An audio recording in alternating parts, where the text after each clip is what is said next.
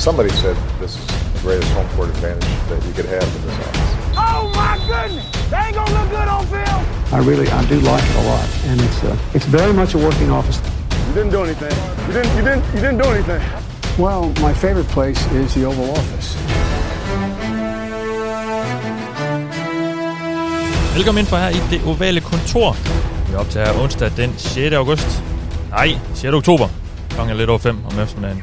Jeg, øh, jeg er ikke hoppet ind i en tidsmaskine.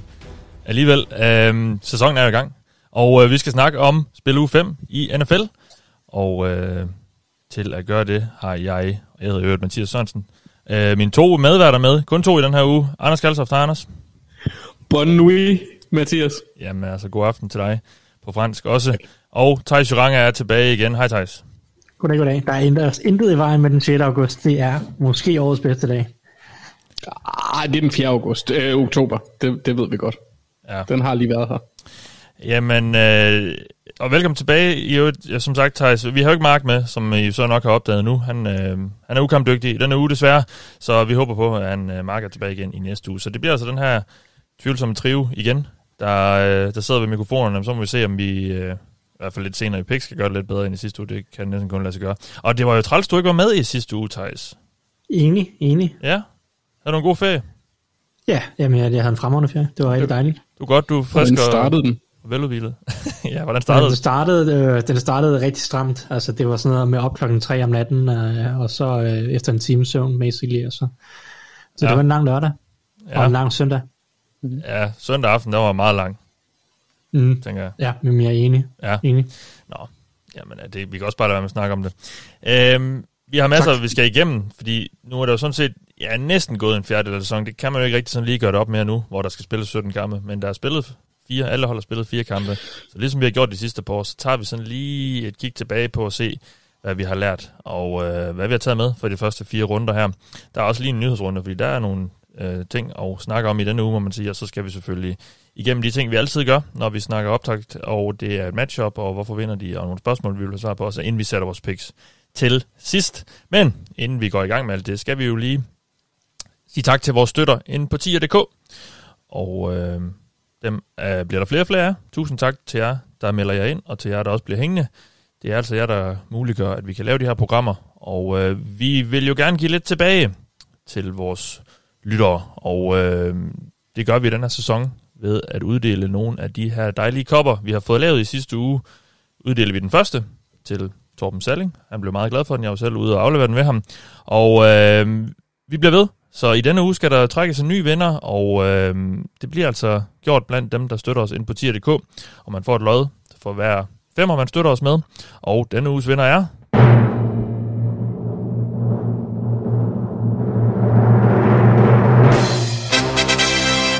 Kielerrik 13 snabelag, og så en mail, jeg ikke vil nævne resten af. Kielerrik13, jeg kender ikke øh, lige dit fornavn ud fra det, men øh, du skal lige holde øje med din mail, fordi så skriver jeg til dig, og så er der en kop på vej til dig på den ene eller den anden måde. Uh, så hold øje med din indbakke de næste par dage, og øh, så finder vi lige ud af, hvordan vi får den kop afsted til dig. Og sidder du derude og, kunne, og godt kunne tænke dig at blive en del af den her herlige klub, og få mulighed for at vinde en kop, så gå altså ind på 10er.dk, og øh, så kan du finde det ovale kontor og støtte os med et valgfrit beløb for hvert program, vi laver, sådan så vi kan blive ved med at gøre det. Tusind tak, som sagt, til jer, der allerede gør det. Og øh, nå, nyhedsrunden øh, skal vi også øh, lige øh, kigge lidt på, og øh, der er altså... Øh, der er dansker nyt. Hjalte Froholt har skiftet klub. Hjalte er blevet hentet til Cleveland. Browns har øh, signet ham fra Texans' practice squad, og det har de øjensynligt gjort, fordi de godt kunne tænke sig at få sig en øh, mand, der kunne øh, agere reserve ind på center, fordi de har netop øh, nemlig sat Nick Harris på injured reserve, så der blev lige en åben plads der, og der havde de altså udsat sig Hjalte Froholt. Øh, det var spændende. Hjalte er signet til øh, Browns' øh, 53-mands roster, og øh, ja, det gør jo sådan set, at han kan komme i, i aktion allerede nu i den her weekend.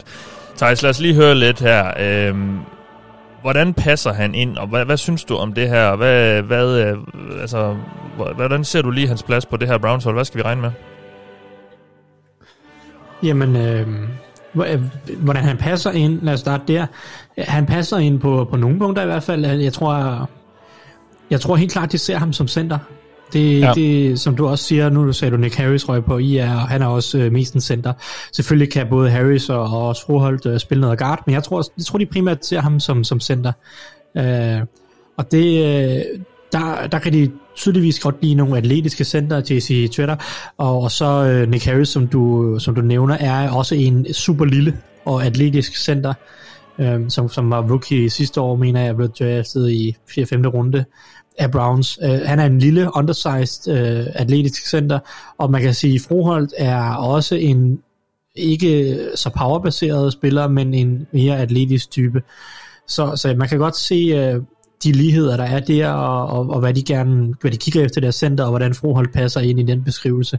Ja. Øhm, så kan man sige, at så kører Browns jo meget det her wide zone system, og, og der kunne man jo måske savne noget længde hos Froholt, men, men altså, at de atletiske evner kan jeg også sagtens øh, kompensere for det. Så jeg synes, det er spændende, og øh, også en lille overraskelse, men, men Browns er, har lidt problemer med dybden på den offensive linje lige nu, så, øh, så øh, super fedt, og fedt, at de så har udset sig froholdt. Altså, der er jo ikke nogen tvivl om, at de har kigget rundt på alle øh, de 31 andre practice squads, og så tænkt, øh, hvilken spiller passer bedst ind på vores, i, i den rolle, vi mangler som en backup center guard spiller. Ja. Og så har de jo udset sig froholdt som værende den, der passer bedst ind. Øh, og der er jo, det er jo sikkert baseret både på deres øh, holdning til ham omkring draften, øh, dengang han kom ud øh, at, øh, af Arkansas øh, som rookie, og så også øh, selvfølgelig, hvad han har leveret i preseason og så videre. Øh, Jeg kan ikke lade være med at tænke, at øh, jeg, jeg mener at huske, at Vikings var et af de hold, der viste en del interesse for Froholt dengang tilbage for et par år siden, Ja. ja. og der var Stefanski jo offensiv koordinator der, så der er ikke nogen tvivl om, at, at allerede dengang, der altså jeg vil gætte på, at Stefanski har kendt hans navn, og allerede dengang har udset sig, eller udset Froholt som en spiller, der passer ind i systemet på en eller anden måde. Øhm, men øh, det er super spændende, og altså, jeg ved ikke, hvor meget han kommer til at komme i spil. Jeg tror ikke umiddelbart, at vi skal forvente noget, mindre skaderne begynder at regne ned over dem. Nej. Øhm, men, men altså, jeg, jeg tror, en type som øh, Blake Hans øh, formentlig vil komme ind og spille, før øh, Froholt gør os som center, eller så vil de rykke rundt og, og starte noget. Altså, men altså, det kan være, at han er aktiv i den her uge ved skaderne. Altså, Jedrick Wills, deres venstre tackle, har, er jo skadet, og måske ude, måske ikke ude. Øh, og, og Chris Hubbard, deres normale backup tackle, har, var skadet i weekenden, og jeg ved ikke, om han er tilbage i den næste weekend her. Så hvis de mangler de to mænd, så kunne Froholt faktisk godt være aktiv allerede i første uge, Ja. øh, som deres 8. offensiv linjemand bliver det vist nok. Og han kommer jo i rigtig gode hænder. Browns har en af ligands bedste offensive linjetræner i Bill Callahan. Og generelt har Hjalte jo været, øh, været heldig, eller om man så må sige, med nogle, han er nogle gode træner. I, I Patriots var det Dante Scarnecchia, og, og Houston var det også, øh, nu har jeg lige, ja, nu kan jeg faktisk ikke huske hans navn, Øh, James Campen, Ja, som- som, der har været i Packers i mange år. Ja, som, øh, som i hvert fald var træner for en ret god Packers-linje i en del år også. Øh, Bill Callahan, øh, hvad, hvad, altså, hvad tror vi, han, tror vi, han kan, kan få mere ud af Hjalte, eller hvad? Ja, det, det kunne han sagtens. Altså, det, der er jo, som du siger, det er en, en legende på ja. blandt de offensive linjetrænere.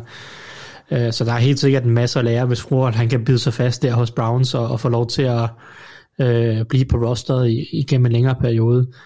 Det, det, det er der ikke nogen tvivl om, at, Ja. der, der er masser at lære der. Altså, Så, så det, det, Spændende. det er et super sted at lande. Også, øh, se, også en, en, et, et godt hold med en god kultur. Ja. Og, øh, lige nu i hvert fald. Det er jo ikke et hold, der har en historie for at have en god kultur, men det virker som om, der er godt styr på det lige nu.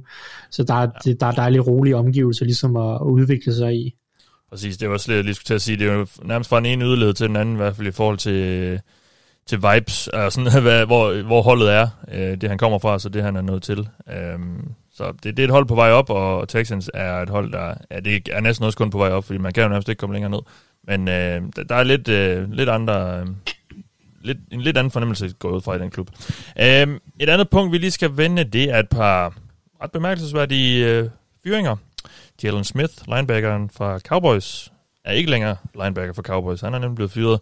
Og det er Stefan Gilmore også her onsdag eftermiddag dansk tid af New England Patriots. Anders, øh, kommer det bag på dig, nogle af de navne her? Øh, ja, begge to Ja. øh, af forskellige årsager. Øhm, jeg vil starte med Gilmore. Han er jo sådan set ikke blevet... fy- Ja, er Jalen Smith heller ikke endnu.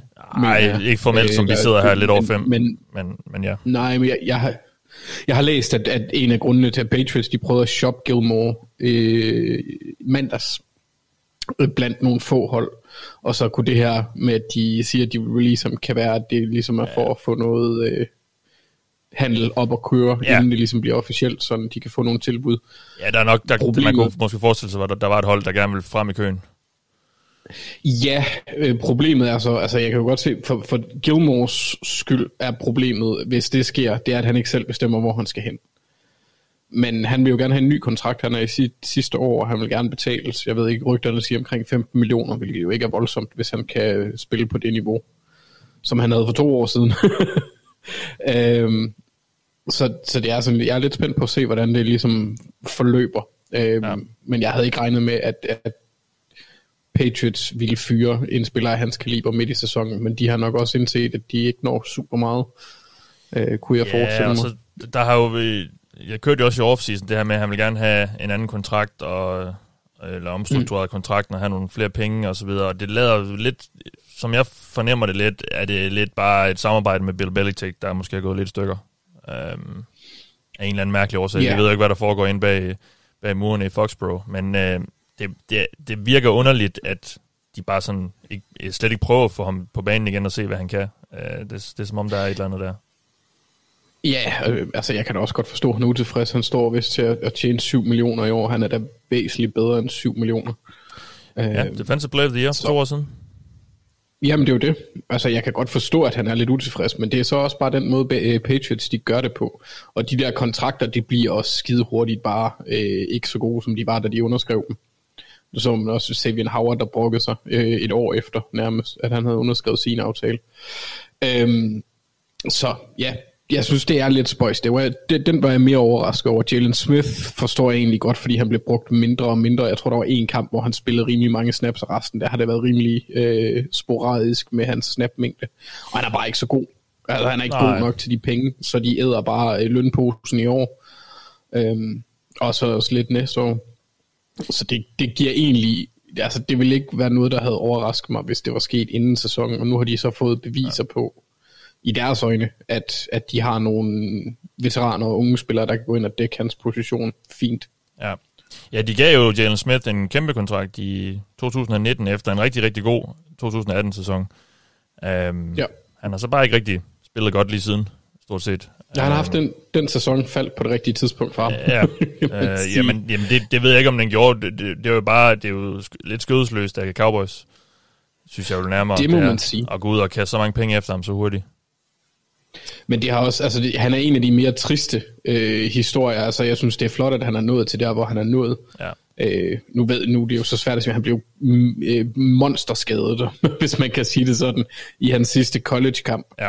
hvor at øh, folk de snakkede om ham i top 10 som linebacker-talent. Han ja. var overalt, da han spillede for Notre Dame. Ja. Altså øh, en linebacker, der var overalt. Ja.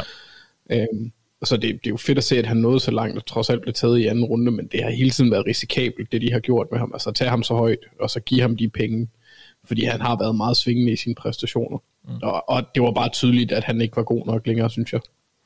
Ja, men øh, Monique han nok skal få nogle chancer. Han har, øh, han har et navn, godt navn, og der er sikkert ja. Ja. mange, der tror, og han har jo, han, jeg tror fysisk er han jo også i fin nok stand stadig. Der har ikke været nogen øh, grimme skader siden den, den i college. Øhm, Nej, og hvis han går fri af waivers, så er han også røvbillig. Ja. Fordi så betaler Dallas næsten, altså så kan de give ham en minimum vet-kontrakt, og så betaler ja. Dallas resten jo. ja. Ja, og øh, ja, Gilmore skal der nok også være mange, der er rigtig interesseret i, fordi en god cornerback, det, Det- øh, det, er, jo, det er jo eftertragtet. Spørgsmålet er så, hvor god han selvfølgelig er, men øh, der skal nok være nogen, der giver ham chancen. Jeg tænker, hvis Chiefs de kunne finde plads til ham, så tror jeg, de ville blive ret aggressive. Yes. I hate when people are like 6'5, 330 and got a hold. Jamen lad os lige, øh, inden vi snakker optakt, øh, kigge lidt tilbage, som sagt, på de første fire runder og drage lidt, lidt konklusioner ud fra det. Jeg har bedt jer om at tage et takeaway, som jeg har kaldt det. Øh, en opsummering, et eller andet, I har bidt mærke i, eller det, I har bidt mest mærke i, for de første fire uger, Thijs. Hvad, øh, hvad har du taget med til os? Jamen, øh, nu så jeg, at Peter S. Krohmann, han brokkede sig på Twitter over, at øh, vi ikke har øh, anerkendt Cardinals nok indtil videre. Så, så nu, Det øh, jo nu får de... Cliff, vi ikke anerkendt nok. Cliff, ja, men altså, det er faktisk ikke engang så mange af ham, jeg vil rose, Nej, tror jeg. det- nej. Selvom, at, selvom at han jo ikke har, han har ikke gjort det dårligt på nogen måde, det ser jo fornuftigt ud. Øh, jeg vil bare sige, at selvfølgelig Cardinals har overrasket jo. Altså 4-0, det eneste ubesejrede hold tilbage. Øh, Og, og der er flere parametre, de har overrasket på. Øh, Måske mest af alt, at næsten alt det, de har lykkedes med i offseason, som vi har været sådan lidt, uh, det er tvivlsomt, om det kommer til at virke, det er, på, det er lykkes på en eller anden måde. Øh, de her aldrende spillere, de har hentet ind, J.J. Watt, A.J. Green, har været en succes. Øh, J.J. Watt måske mindre overraskende end A.J. Green. Ja. Watt var stadig en dygtig spiller hos Texans, øh, og det var måske mere prisskiltet, man sætter på spørgsmålstegn ved, og det, det vil jeg nok stadig gøre i en eller anden grad. Men han har spillet fint, øh, og gjort det godt. De har fået Chandler Jones tilbage, og, og det er en ret god defensiv linje, de efterhånden har. Også øh, Marcus Golden er også en solid outside linebacker. Men så A.J. Green har jo været øh, milevidt bedre end, end, end den øh, decoy, der løb rundt sidste år øh, for Bengals. Øh, ikke Ja. at AJ Green er den gamle AJ Green, men han er et fint komplementerende våben på det her angreb. Øh, og så synes jeg jo, der er en hel del af deres andre tilføjelser, der også er lykkedes lidt mod forventning på en eller anden måde. Øh, en spiller som Robert Alford, som jo har været, han er gammel, eller for efterhånden, for i hvert fald for en cornerback at være over 30, øh, og har ikke haft nogen gode sæsoner i 2020-2019, er kommet ind, har spillet rigtig solidt. Øh, James Conner er kommet ind og bidraget øh, rigtig fornuftigt øh, til, til, til angrebet, giver dem noget lidt andet, lidt mere fysisk, øh, så de også har det element i deres løbespil. Rondell Moore har været en succes, øh, som, som også netop et endnu et komplementerende våben, så nu har de de der... Øh, nu har de reelt set de der fire receiver, de skal bruge. De har Hopkins, de har Green, de har Christian Kirk, de har Rondell Moore. Øh, Så når Cliff han gerne vil gøre alle de ting der, så øh, eller gerne gøre de ting, når han gerne vil spille som med så mange receiver, så har de faktisk nu fire receiver, der kan noget mm. øh, lidt forskelligt, og, og rent faktisk kan bidrage. Og så Max Williams jo begyndt at spille fodbold for første gang i sin karriere, så nu har de også en tight end. Øhm, så, så på en eller anden måde, så alt det, som man ligesom har tvivlet lidt på, jeg var også meget i tvivl om deres secondary generelt, nu har jeg nævnt Robert Alford, men de starter jo også rookie øh, fjerde rundevalg Marco Wilson, har faktisk også gjort det hederligt. Øh, han har ikke været nogen stjerne, men har gjort det hederligt.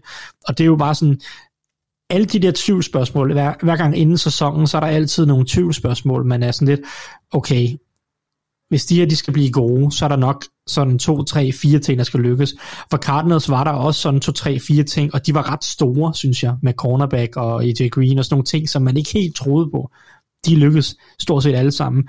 Og så er der selvfølgelig nogle af de ting, som vi har, altså Rodney Hudson, det vidste vi ville være et godt move, nærmest per default. Det har været fremragende. Ja. Og så er det selvfølgelig det mest afgørende for Cardinals og 4-0, det er Kyler Murray. Han har spillet helt forrygende. Altså en genialt, øh, øh, genialt her i de første fire kampe. Øh, klart, øh, klart MVP, hvis man skulle uddele sådan en efter fire kampe. Øh, det synes jeg ikke, der kan være nogen tvivl om. Så det er jo også, at, at han har løftet sig et niveau eller to øh, på, på nærmest alle tænkelige måder af, af sit spil. Ja. Så det er, jo, det er jo en akkumulation af mange ting, og, og det må man jo bare sige, at Cardinals øh, er legit lige nu. Om det så kan fortsætte, at Kyler Murray spiller på det her niveau, og kan de tåle et par skader af den her secondary, og, og alle sådan nogle ting, det finder vi jo så ud af i løbet af sæsonen. Men der er ikke nogen tvivl om, at de har været en positiv overraskelse. Jamen, du hopper sådan du har, du har jo snydt lidt, Thijs, fordi du, har- nu hopper du så videre til, til det næste punkt. Men jeg vil det. stadigvæk lige have et takeaway fra, fra de første fire runder også for dig, Anders, så kan vi så få dit bagefter, Thijs. Sorry. Ja, jamen, vi, vi switcher det lige op. Det er jo fint. Jeg er lidt rustet Altså, men... pause. Ja, det er fair nok. Ja, men så er, så er mit takeaway måske også, øh, også passende.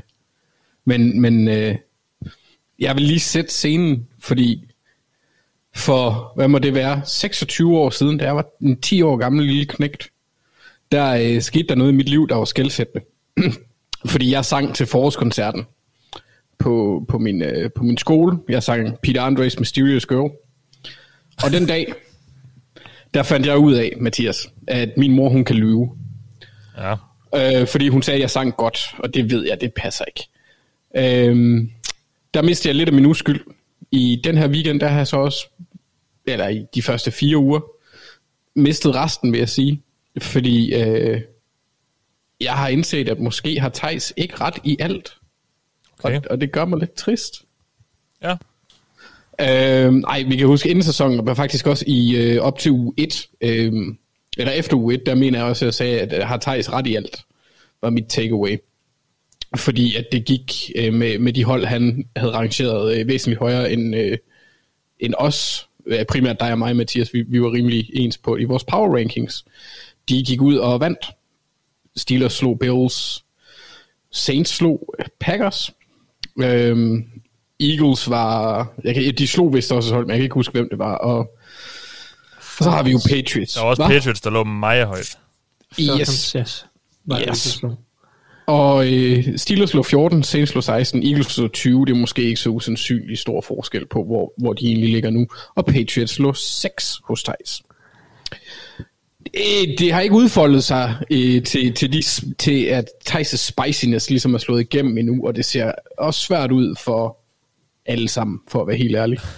Øhm, ja. Jeg vil ikke gå, altså Steelers øh, kommer jeg ind på lidt senere, øh, men der er sådan en overskrift, og det er virkelig deprimerende. Øh, Saints er, er dybt forvirret over. Jeg, jeg ved ikke, hvad de er. Altså, jeg, jeg, jeg går ud fra, at de, de bad James. Det er det, de kan lige nu. Ja. Øh, eller måske mediocre James. Så et sted mellem good og bad. Og Eagles, øh, altså, der er positive ting fra Jalen Hurts. Det her, det har Thijs så trods alt ret i, men de, de, ja, de ser ikke gode ud som hold, synes jeg. Øh, jeg synes, der mangler noget. Man kan godt mærke, at skaderne til Brandons, The Brandons i Brooks og Graham har haft en effekt. Så ja, mit, mit takeaway det er, at, at Thijs har måske ikke har ret i alt. Vil du tage til genmæle, Thijs? Nej, jo, lidt måske. altså man kan sige, jeg synes jo ikke, at- jeg synes det egentlig, det virker meget rimeligt, at Eagles er sådan det, et sted mellem det 20. og det 25. bedste hold i ligaen lige nu. Altså I havde jo dem rangeret som nummer 30 eller noget stil, og jeg synes da ikke, det er et bund 5 hold i ligaen. Ej, men altså, også, den, den, den vil jeg godt give dig lidt. Og Saints øh, er, ja, ja, hvad havde jeg dem 16, siger du? Altså, nu, nu er de to og to, ikke? Og har haft et par fine sejre og et par grimme nederlag. Uh, så jeg synes, uh, the jury is still out på, om de er sådan et gennemsnitligt hold. Men hvis de fortsætter, så ender de jo 8 og, øh, 8 og 9 eller 9 og 8. Og så, uh, så er det måske meget fair at have dem lige midt i ligaen. Og så er der Patriots, men dem kommer jeg tilbage til lidt senere, tror jeg.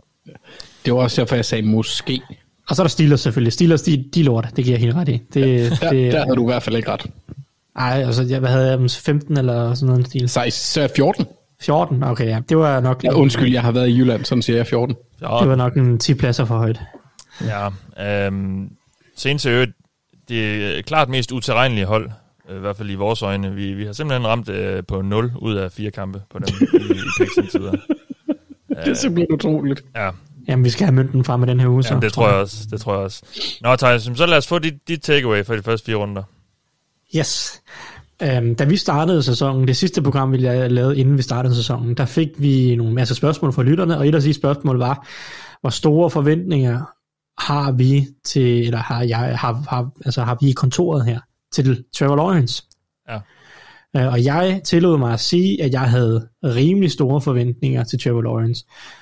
Og det, som jeg har bidt mærke i, eller ikke bidt mærke i, og det er jo ikke, fordi det er chokerende som sådan, men jeg har været en lille smule skuffet over de fire en halv rookie startende quarterbacks, vi har fået haft, vi har set indtil videre. Den halve det er så Trey Lance, der ikke rigtig har startet endnu.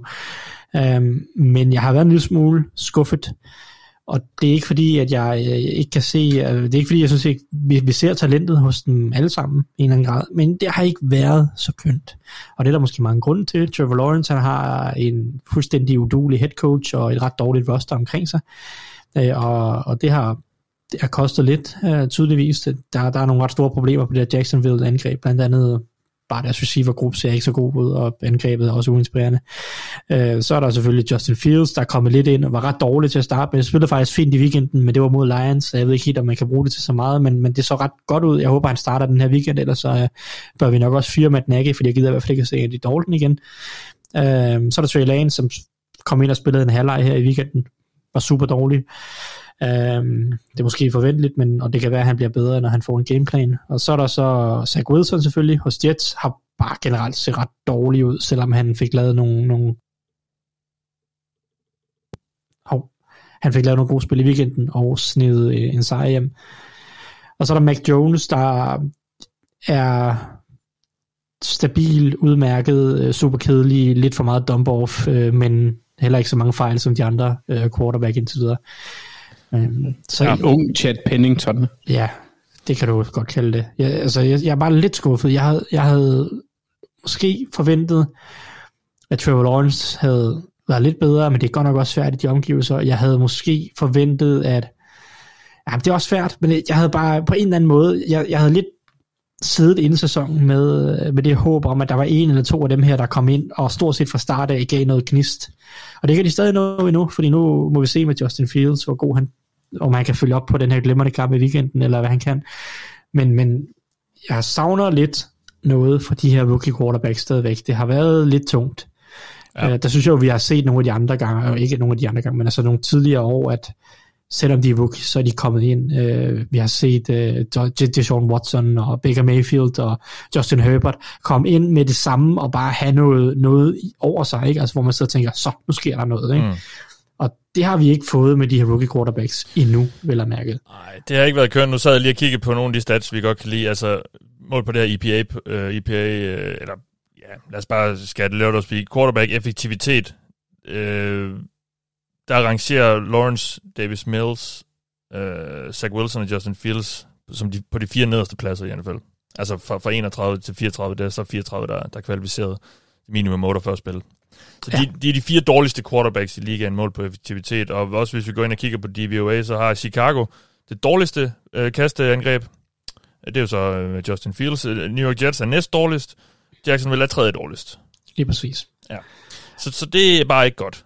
Øh, men men vi, vi er vel heller ikke i, i panikmode, er vi det, Thijs?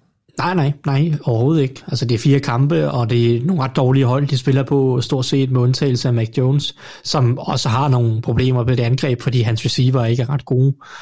Øh, synes jeg, altså, jeg er lidt, lidt skuffet over det, men det skal vi nok snakke Patriots, men, øh, og senere, men, men øh, de spiller på nogle ret dårlige hold, undtagen Trey Lance, vil jeg sige, ikke? Og, og Trey Lance var bare meget upoleret, og har ikke spillet ret meget endnu. Um, og jeg synes jo egentlig nærmest alle, alle quarterbacks, rookie quarterbacks, der har, er blevet bedre og bedre. Jeg synes jo, de spillede nærmest alle sammen deres bedste kamp i weekenden. Ja. Trevor, eller, Men også flere af dem for første gang. Ja, ja lige præcis. Trevor Lawrence spillede så sidste torsdag, det var da hans bedste kamp. Ja. Uh, det, det, det er da de nok skulle have slået Bengals, ikke? Uh, og ja, ja. Zach Wilson startede meget dårligt i weekenden øh, mod Titans, så de burde have været bagud med kæmpe stort, men Titans skulle ikke score touchdowns. Så. Men, men øh, han kom ind i det og lavede nogle store spil ja. i anden halvleg. Justin Fields spillede som sagt en, en glimrende kamp i weekenden mod Lions, og, og så er der så Mac Jones, som også spillede en okay kamp mod, mod Buccaneers, må man sige. Øh, så, så de spillede jo alle sammen den bedste kamp, de ligesom mm. har gjort, og så må vi se med Trey Lance, hvornår han stempler ind. Øh, om det bliver den her weekend, øh, det, det får vi jo så se med skaden til Garoppolo. Nå, men så lad os gå til største overraskelse. Du har jo så nævnt din, Thijs, så det slipper vi for at høre igen. Uh, Anders, hvad er din største overraskelse? Og det er jo sådan positivt ment. Ja, ja men jeg, jeg er positivt overrasket over Dallas' forsvar øh, i år, i forhold til hvor skrald de var sidste år. Øhm, de er de er nummer 9 i, i DVOA mod kastet, hvilket jo er det vigtigste at være i, i ligaen øh, i, i dag, dagens liga. Og de har mødt gode, to gode hold i hvert fald på kastefronten i, i Chargers og øh, Bucks. Så det er jo ikke fordi, det har været øh, Sam Darnold og Jalen Hurts hele vejen igennem. Øh, de fører ligaen i turnover differential sammen med Bills. Trayvon Dix har været, i, altså han er jo sprunget ind i atmosfæren i år. Han har fem interceptions, hvilket er det er en færre end det højeste antal, der blev lavet i hele 2019 af en spiller. Øh, så, altså det, ja. det, jeg synes, det er imponerende, øh, hvad, hvad man har set af den playmaker, han er blevet i forhold til, hvad han var sidste år. Jeg synes, det er tydeligt at se, at der er kommet øh, mere kompetent træning, hvilket lyder lidt sjovt, når det er jo Dan Quinn, der var i, øh, hvad kan man sige, makulatoren hos os sidste år, øh, og måske også året før, da han var head coach for Atlanta Falcons, hvor de slet ikke kunne få forsvaret til at fungere. Øhm, og jeg kan i hvert fald huske, Mark han har også været meget efter ham han har gjort det godt. Altså, jeg er virkelig øh, duperet. Og samtidig, når du tænker på, at Dexter, ikke Dexter Lawrence, Demarcus Lawrence har været skadet det mm. meste af tiden. Ja. Men så har de øh, Udigisua, som de to i, i årets draft, der har spillet fint. Øh, Randy Gregory øh, spiller ganske fornuftigt. Og jamen, altså, de bruger Micah Parsons på en måde, der er vildt interessant. De gør brug af hans evner som, som pass rusher, og som han spillede i high school. Øhm, og, og, og altså det, jeg, jeg er bare imponeret over det arbejde, de har gjort, øh, og det havde jeg ikke rigtig forventet, at det skulle være Dan Quinn, der skulle føre det frem Nej. på den måde. Men jeg synes, det er virkelig fedt, fordi på den anden side, der har de Dak Prescott. Så, og hvis han har et forsvar, der er okay til godt, så kan Dallas virkelig nå, nå langt. Øh, og det, det er jo godt for Dallas, Dallas fans, så det, det kan man også godt lidt unde dem. Øh, dem, der er født efter 1996, dem, der var fans af dem i slut 80'erne og start 90'erne, det, mm. de må godt lide lidt længere. Så altså, jeg synes bare, det er fremragende arbejde, der er blevet lavet indtil videre. Nu må vi se, ja. om det holder. Jamen, det ser fornuftigt ud, øh, og de er også, jeg kan så også lige oplyse om, de er også nummer 9 i EPA på play øh, ja. på forsvaret. Så det er et, øh, det er et top 10 forsvar på, på, på flere af de stats, vi godt kan lide at kigge på. Øh, og det var der nok ikke mange, der har set komme. Spørgsmålet er så, om det er Dan Quinns fortjeneste, eller om det var Mike Nolan, der bare var verdens dårligste defensive koordinator sidste år. Men øh, yeah. Dan Quinn har i hvert fald, øh, han, han skal selvfølgelig have noget kredit, fordi han har fået styr på, på tropperne. De, de farede rundt som øh, hovedløse kyllinger nærmest sidste år nogle gange. Øh, så, så der er Jamen, sket noget man kan også godt sammen, fordi Mike Nolans forsvar er notorisk kompleks, eller måske ikke notorisk kompleks, men han, han, han har jo blandt andet været øh, defensiv koordinator for Ravens, inden, inden, jeg mener det var inden han blev head coach for San Francisco ja, for, oh, tilbage. Ja. Okay, det er mange år siden øh, Ja, og jeg kunne godt forestille mig, at øh, det der Dan Quinn-system, hvis, i hvert fald, hvis det øh, er noget mere simpelt, ja. og med en off-season i gang, så tror jeg også, det er nemmere at inkorporere sine koncepter jeg tror måske, at Mike Nolan han havde for stor tillid til, at hans spillere kunne forstå det, mm. uden at have øvet det. Ja. Øhm, og så måske er han også bare, altså tiden løbet fra ham. Men, øh, men ja, det, det, det havde jeg ikke regnet med heller. Nej. Nej. Jamen, øh, så lad os lige kigge på nogle skuffelser. Den største skuffelse indtil videre, Thijs, hvad har det været? Eller hvem har det været? Jamen, jeg, bliver, jeg føler mig næsten tvunget til at se Patriots, fordi at nu, nævnt, nu var Anders nævnt, at jeg havde dem som nummer 6 inden sæsonen. Øhm, og så gode har de vist ikke været. Lad os bare blive enige om det. Ej, øhm, så, så jeg føler mig næsten tvunget til at tage dem, og det er egentlig det er egentlig måske sådan lidt mod min vilje, for jeg synes faktisk stadigvæk, at der er nogle, nogle ting, som ret hurtigt kan gøre Patriots ret gode. De er der bare ikke endnu, og det er spørgsmålet om, de, de når der i år. Øhm, jeg synes stadigvæk, at deres forsvar er, er ret godt. Og det var en af de ting, hvor jeg så øh, inden sæsonen øh, sagde, jeg tror deres forsvar vender tilbage til at være top 3, øh, og så kan de, så skal der ikke, så er der ikke meget, så meget pres på Mac Jones. Altså de har det, ifølge DVOA, det næstbedste kasteforsvar. At de så ikke har kunnet stoppe løbet, det går nok lidt skuffende, øh, og det må, må jeg sige, jeg er ret overrasket over med øh, tilgangen af Matthew Judon og Dante Hightower, der kommer tilbage og sådan nogle ting. Men må ikke, at de får styr på det. Så jeg tror stadigvæk, at sådan, på længere sigt, at deres forsvar kommer til at være et top 5 forsvar i ligaen. Der, hvor jeg er en lille smule skuffet, det er, det er, hvor meget de får ud af angrebet, hvor dårlige de er til at lave eksplosive spil på angrebet. Øh, de har jo investeret en masse i offseason på Nelson Aguilar og John Smith og Hunter Henry og og jeg synes bare ikke, at det rigtigt har givet noget som helst. Og noget af det er Mac Jones, som jeg også, jeg havde troet, at, at, de var, at han, han havde lidt mere mod måske. For jeg synes jo egentlig, at hos Alabama og i college, at han jo ikke manglede mod til at kaste dybe bolde. Uh, han var ret præcis på dybe kast, uh, tværtimod. Og jeg synes bare hos Patriots, at der er for meget dump for det. det. Han tør ikke rigtig at tage de chancer, der nogle gange skal tage øh, skal tages. Altså de, de her drives fra New England, det føles bare det føles bare lidt for mekanisk og lidt for metodisk og lidt for det, det, det, det er bare for ja, for slavisk øh, ned ad banen, og det, det går bare for hurtigt galt. Altså det, det er meget nemmere at spille angreb, hvis du kan skabe nogle eksplosive spil. Og det har Patriots ikke rigtig været i stand til. Og jeg synes lidt, at den ligger på Mac Jones, som jeg synes har ja, dobbelt for meget af indtil videre. Ja. Øhm, men det er jo måske også fair nok. Altså, han er jo rookie, der har spillet fire kampe, så måske skal han bare lige finde sig til rette, og så er det jo bedre, at han øh, spiller lidt konservativt, end at han bliver hængende i lommen og bliver sækket en hel masse, og, og hvad ved jeg, som, som Zach Wilson måske, han er, han er måske lidt over den anden boldgade med, at Zach Wilson er den type, der han prøver rigtig meget at gå efter de store spil, så han har kastet, øh, hvad er det, 8 interceptions indtil videre, er blevet sækket 17 gange og sådan nogle ting. Så det er jo sådan lidt, hvad man foretrækker, og, og lige nu er det jo bedre at have en Mac Jones end, end, end Zach Wilson, men på et eller andet tidspunkt, så bliver Mac Jones også nødt til at udfordre sig selv lidt, og lave nogle af de kast, der skal til, for at løfte det her New England angreb op på et højere niveau. Øh, og det er så spørgsmålet, om det kommer til at ske i år, eller om det kommer til at ske næste år, eller på et tidspunkt, hvor de får nogle bedre receiver, eller hvad ved jeg. Og det er der, hvor jeg er sådan lidt tøvende, for jeg ved ikke helt, om Patriots kan godt leve op til det. Men hvis han løfter sig en takt med Mac Jones, og bliver bedre til at finde de her eksplosive spil, og det, det hænger jo også på McDaniels og så videre, øhm, så synes jeg egentlig stadig, at Patriots godt kan være et top 10 hold i NFL. Ja. Øh, de er der bare ikke lige nu, og derfor og jeg har været en lille smule skuffet måske over, ja, øh, hvor lidt de har fået ud af Aguilar og John O. Smith og Hunter Henry og sådan noget. Øh, men øh, ja.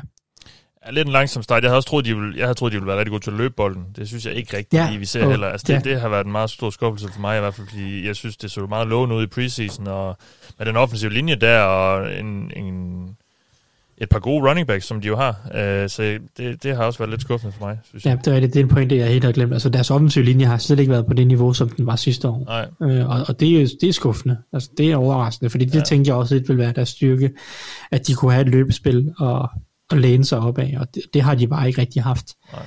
Så, så det er rigtigt. Um, så, så det er også endnu et aspekt, hvor at de, det er offensivt ikke helt rammer de tangenter, jeg havde håbet på. Ja, så sidder vi her og snakker om, at vi, vi er skuffet over, at de ikke kan løbe bolden, og med, med den historik, vi har med det. Men, men det, det er jo stadigvæk fedt at kunne gøre det, og, og især når vi så, når det er lavet til, at de har bygget lidt angrebet op, om det skulle være lidt tungt, og det skulle være øh, nogle tunge formationer og så videre, så, så er det jo så, så er det Helt lidt sikkert. skuffende at se, at de ikke kan gøre det bedre. Anders, hvad er du mest skuffet over? Steelers. Ja, Også mig. Jeg er også mig. super skuffet over dem. Jeg ved faktisk ikke, hvor skuffet jeg er over dem, fordi jeg ville jo egentlig den... Jeg, jeg kunne også have snakket Urban Meyer, men ham er jeg sådan set ikke skuffet over. Han har bare bekræftet, hvad jeg troede om ham. ja ham, ham, ham kunne vi jo Øh. egentlig også have taget med i nyhedsrunden. Han øh, er utrolig nok ikke blevet fyret endnu. Nej, nej, nej. Øh, men det, det, det, han ser ud til at hænge i en meget tynd tråd efterhånden. Øh, ja, det er sjovt. Ja, det er ikke sjovt, det er det da ikke, Nej, men det er da bare den- et, et, et, det er et hurlum hejhus, Ja. som... Øh, Og det havde vi jo snakket om hele offseason, at det kunne ende med at blive. Føler, ja. føler jeg nærmest. Ja, men, men, men Steelers, øh, for at snakke om noget øh, øh, mindre irriterende, øh, så, så er, jamen, altså bare hvis du kigger lidt på, hvis du kigger på DVOA for eksempel, det er på angrebet af de 25 overall, det var måske i den ende, vi havde forventet det, gerne lidt højere, altså de er 23 i pass, 26 rush. Forsvaret har været overraskende dårligt indtil videre med, øh, de ligger 22 overall i DVOA, 23. mod kastet, 7. mod rushet, hvilket jo er perfekt, fordi Thijs elsker øh, folk, der, øh, eller forsvar, der fokuserer på at stoppe løbet. Øhm, og så har Big Ben bare ikke været sådan super god. Han ligger 22 i DVOA, 27 EPA per play. Øhm, og så snitter, altså ligger Steelers også 28 i point per kamp, så altså de tillader, eller de scorer 16,8 per kamp og tillader 23,2. Det er en rimelig nem måde at tabe på. Øh, men frem for alt, så vil jeg sige, så er jeg bare skuffet over, at angrebet virker nærmest identisk med sidste års øh, mod slutningen. Bare med flere motions. Altså det, det er måske det mest uinspirerende angreb at se på i hele NFL. Jeg, jeg, I sidste uge, der vil jeg jo gerne blive glad. Så jeg så øh, Bengals Steelers, for jeg kan godt lide, når Steelers taber. Jeg synes, det er fedt, når Bengals vinder. Apropos, Okay. øh, så vandt Bengals over Steelers i sidste uge. Øh, jeg ved ikke, om det er blevet sagt. at Ja, i Bengals vandt over ja, Steelers. forrige uge var det vel ret beset. Men ja, Forrige uge, okay. ja, var det ikke det det? er selvfølgelig sandt. Ja. Men, men hovedpointen var, at Ben- Bengals vandt over Steelers. Ja, Øh, Bengals vandt over Steelers, ja. Det, jeg ved ikke, om vi har fået snakket nok om det, eller har vi det, Thijs? Hvad for noget? Det kan jeg ikke huske. Nej, okay. Du, er- du var i Frankrig, så- eller hvad? Ja. Der har, de ikke så svaret er internet nej. det har vi ikke snakket nok om. der. Jamen altså, Må, Men men det var- Anders, må jeg rette dig? Ja, Øh, Steelers, de bruger motion, øh, hvad hedder det, øh, ikke, øh, færre skulle jeg kalde det, øh, færre gange i sidste mindre, det mindre, øh, mindre ofte. Så det er bare blevet et endnu mere statisk angreb. Ja, men Steelers brugte ret meget motion sidste år, faktisk. Men øh, det er blevet mere statisk, og det er det er bare blevet dårligere, tror jeg. Altså, det, ja. de, bruger, de bruger mere tight ends, end de gjorde sidste år, øh, kontra de bruger mange 3 og 4 wide receivers sidste år. Der bruger de lidt flere tight ends i år. Mm. Øh, men, men altså, det, ellers er der ikke, som du siger, ellers er der ikke en stor forskel. De løber bolden bed, øh, mere varieret, altså, men de løber bare stadig bolden Ik- dårligt, fordi de har ikke nok på linje, så... Deres bedste receiver er en running back. Nej, det ved jeg også godt. Han, nej, men, men altså, det er også, jeg kan huske, det var en eller anden dansk NFL-kommentator, unavngiven person, som øh, havde Steelers helt vildt højt op i hans rangeringer, fordi de havde fået Matt Canada. Og, og ja, men... Øh... Det, det blev jeg sådan lidt forbavset over, at han mente, fordi man har ikke rigtig set noget, men jeg havde da regnet med, at det ville være bedre end Randy Fichtner. Ja, det havde det jeg også. Ikke sådan ud. Men jeg tror bare ikke, at man Canada har så meget at skulle have sagt. Jeg har bare lidt du på tror, det er Ben, der styrer ja, jeg det? tror, Ben han har meget at skulle have sagt, ja. Uh, Men så er det så der, hvor jeg vender den. Hvis, hvis man konsekvent præsterer så dårligt, uh, ja. hvor meget magt kan man så blive siddende med? Altså, ja, ja, jamen, han er jo en klubikon. Jeg er jo enig. Han er jo en klubikon. Han ja, er et men, men jeg, jeg tror, jeg synes også, at man så mod Packers et skift mod øh, lidt flere ting, der mindede om hvad jeg havde forventet af et Matt Canada offense.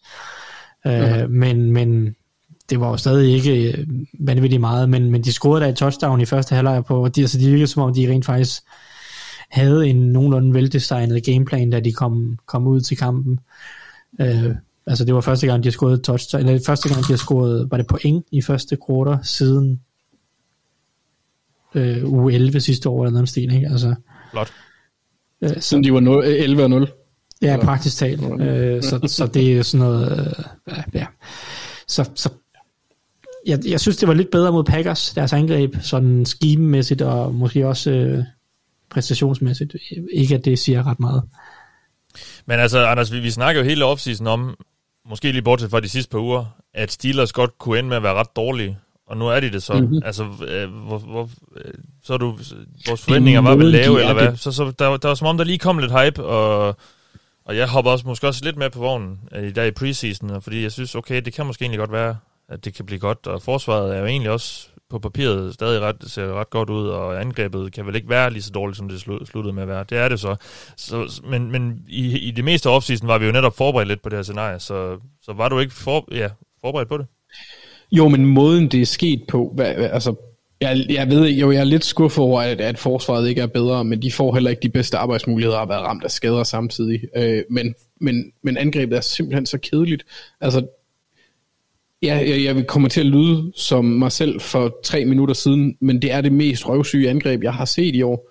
Og det siger altså en del. Øh, Patriots angrebet er også virkelig kedeligt at se på.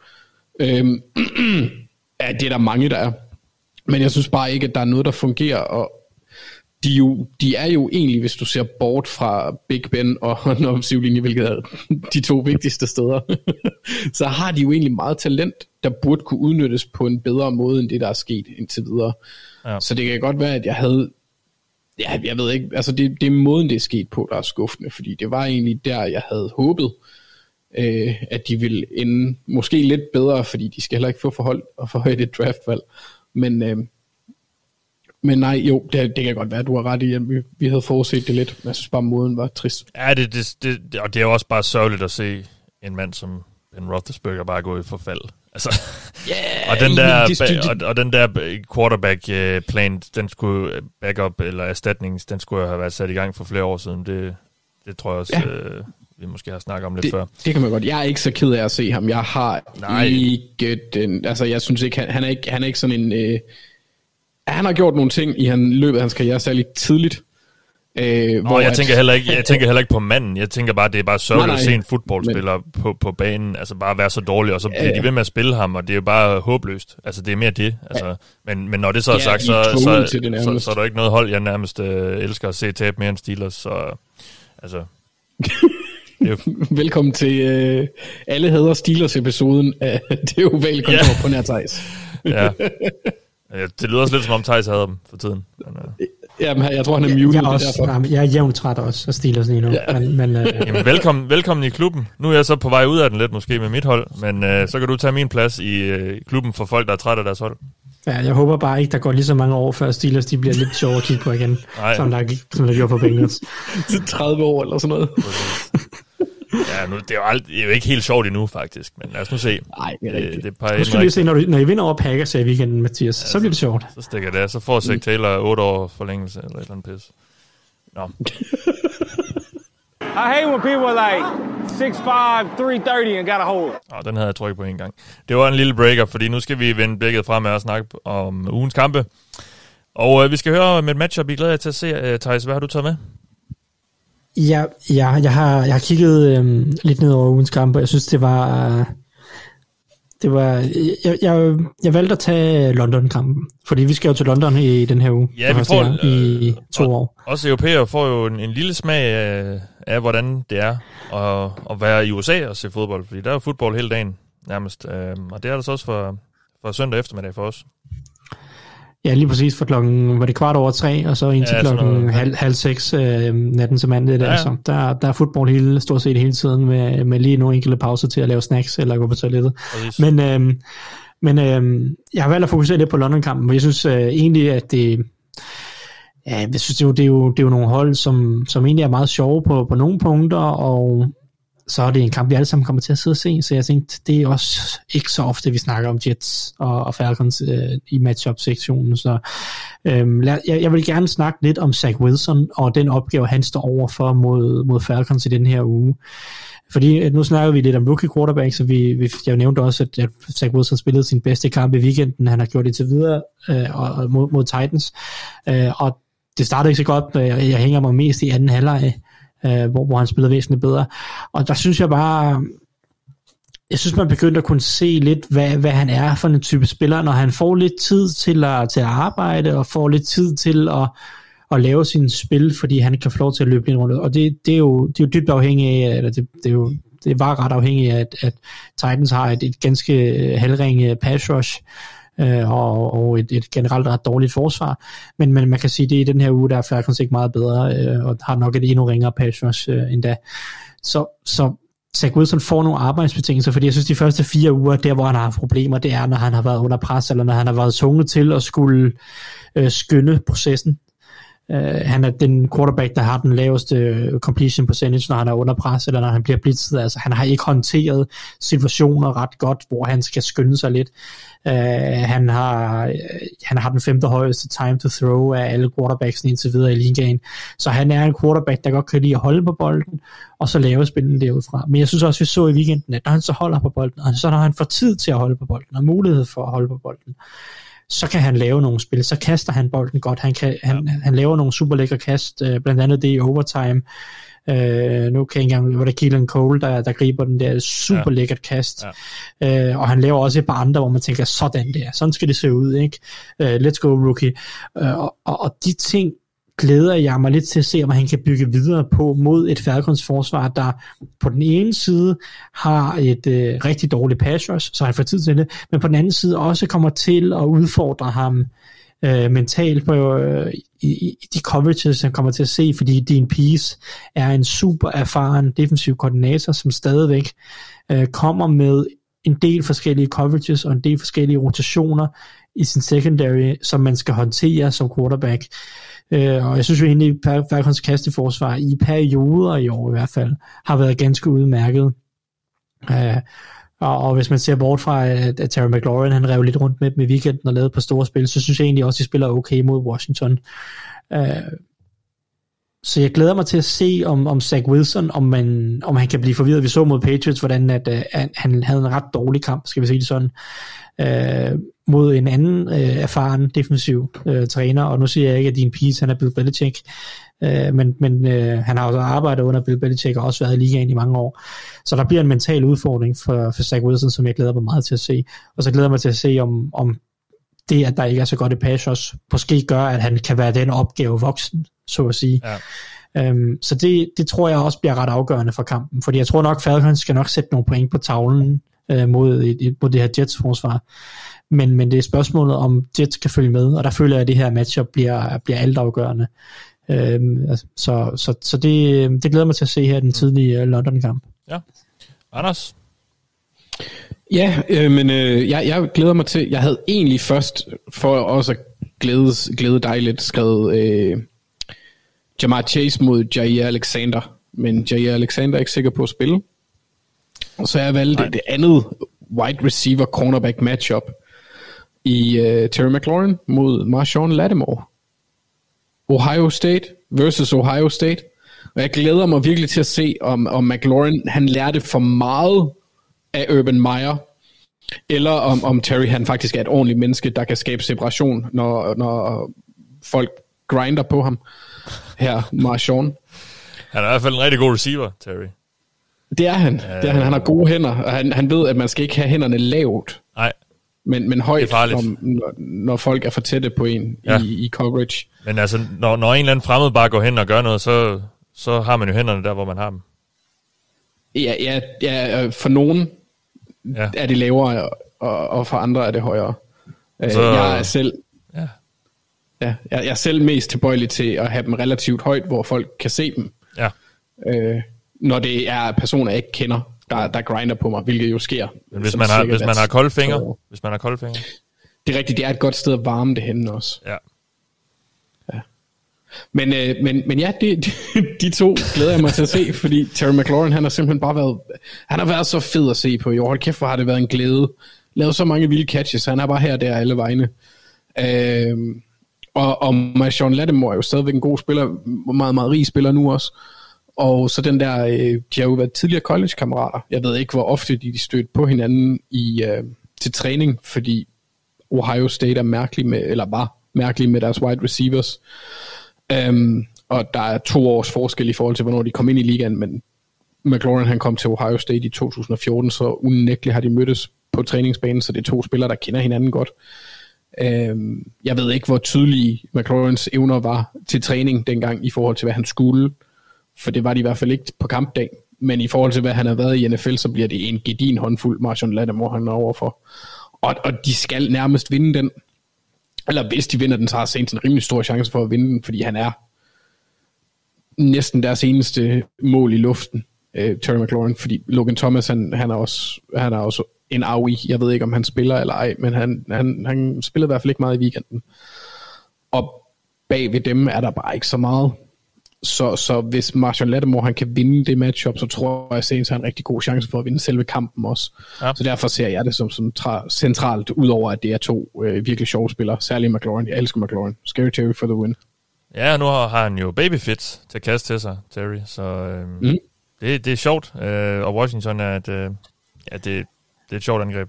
Øh, Det, det andet touchdown, han griber af McLaurin, det kast, som, som Heineke laver der, det var, det var ren babyfits. ja, det er der, hvor han ligger på jorden efter. Ja, ja, ja det, det er helt altså. hjernedødt. Det er, det er sådan en klassisk Fitzpatrick, no, no, no, no, no, Ja, yes, yes. Jamen, jeg, jeg, jeg, jeg præsenterede dig jo for, for et par uger siden på Twitter for, for teorien, om han var ja. Ja. babyfit. Ja. Ja. Og der var du ikke helt afvisende, og siden har jeg bare holdt fast i det. Og jeg har så også hørt nogle amerikanske øh, eksperttyper begynde at kalde ham det. Så øh, der må være noget om snakken, og det er der også, når man ser ham spille. Det er, Du skulle have trademarket det. Ja, det skulle jeg. Det skulle jeg faktisk. Øh, så, så, øh, så klog er jeg ikke på alt det der. det. Men det passer også meget godt, at han er sådan øh, babyfits, fordi han har jo ikke har noget skæg og sådan noget. Han ligner lidt en præcis. dreng. Ja, ja. Ja, Så, ej, det kunne være godt. Han er, han er aftageren. Ja. Du må på en t-shirt. Why? Why? Why? Why? Tell me why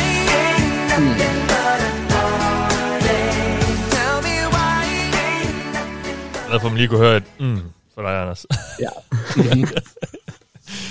Vi er nået til, hvorfor vinder de?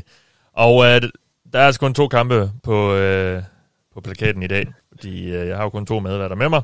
Så øh, det er de to, der har fået flest stemmer, og den, der fik klart flest stemmer, det var Bills Chiefs, det helt store AFC-opgør i denne uge, og øh, vel også i sæsonen, er ret beset, det er to, øh, ja, de to helt store øh, FC-favoritter til at gå i Super Bowl mødes her. Bills øh, startede, startede lidt sløvt, altså virkelig kommet efter det, og Chiefs øh, er sådan lidt, øh, måske lidt mere på shaky grund, end vi har troet, så de er, jeg er ret spændt på, jeg synes, det er to meget ligeværdige hold måske her.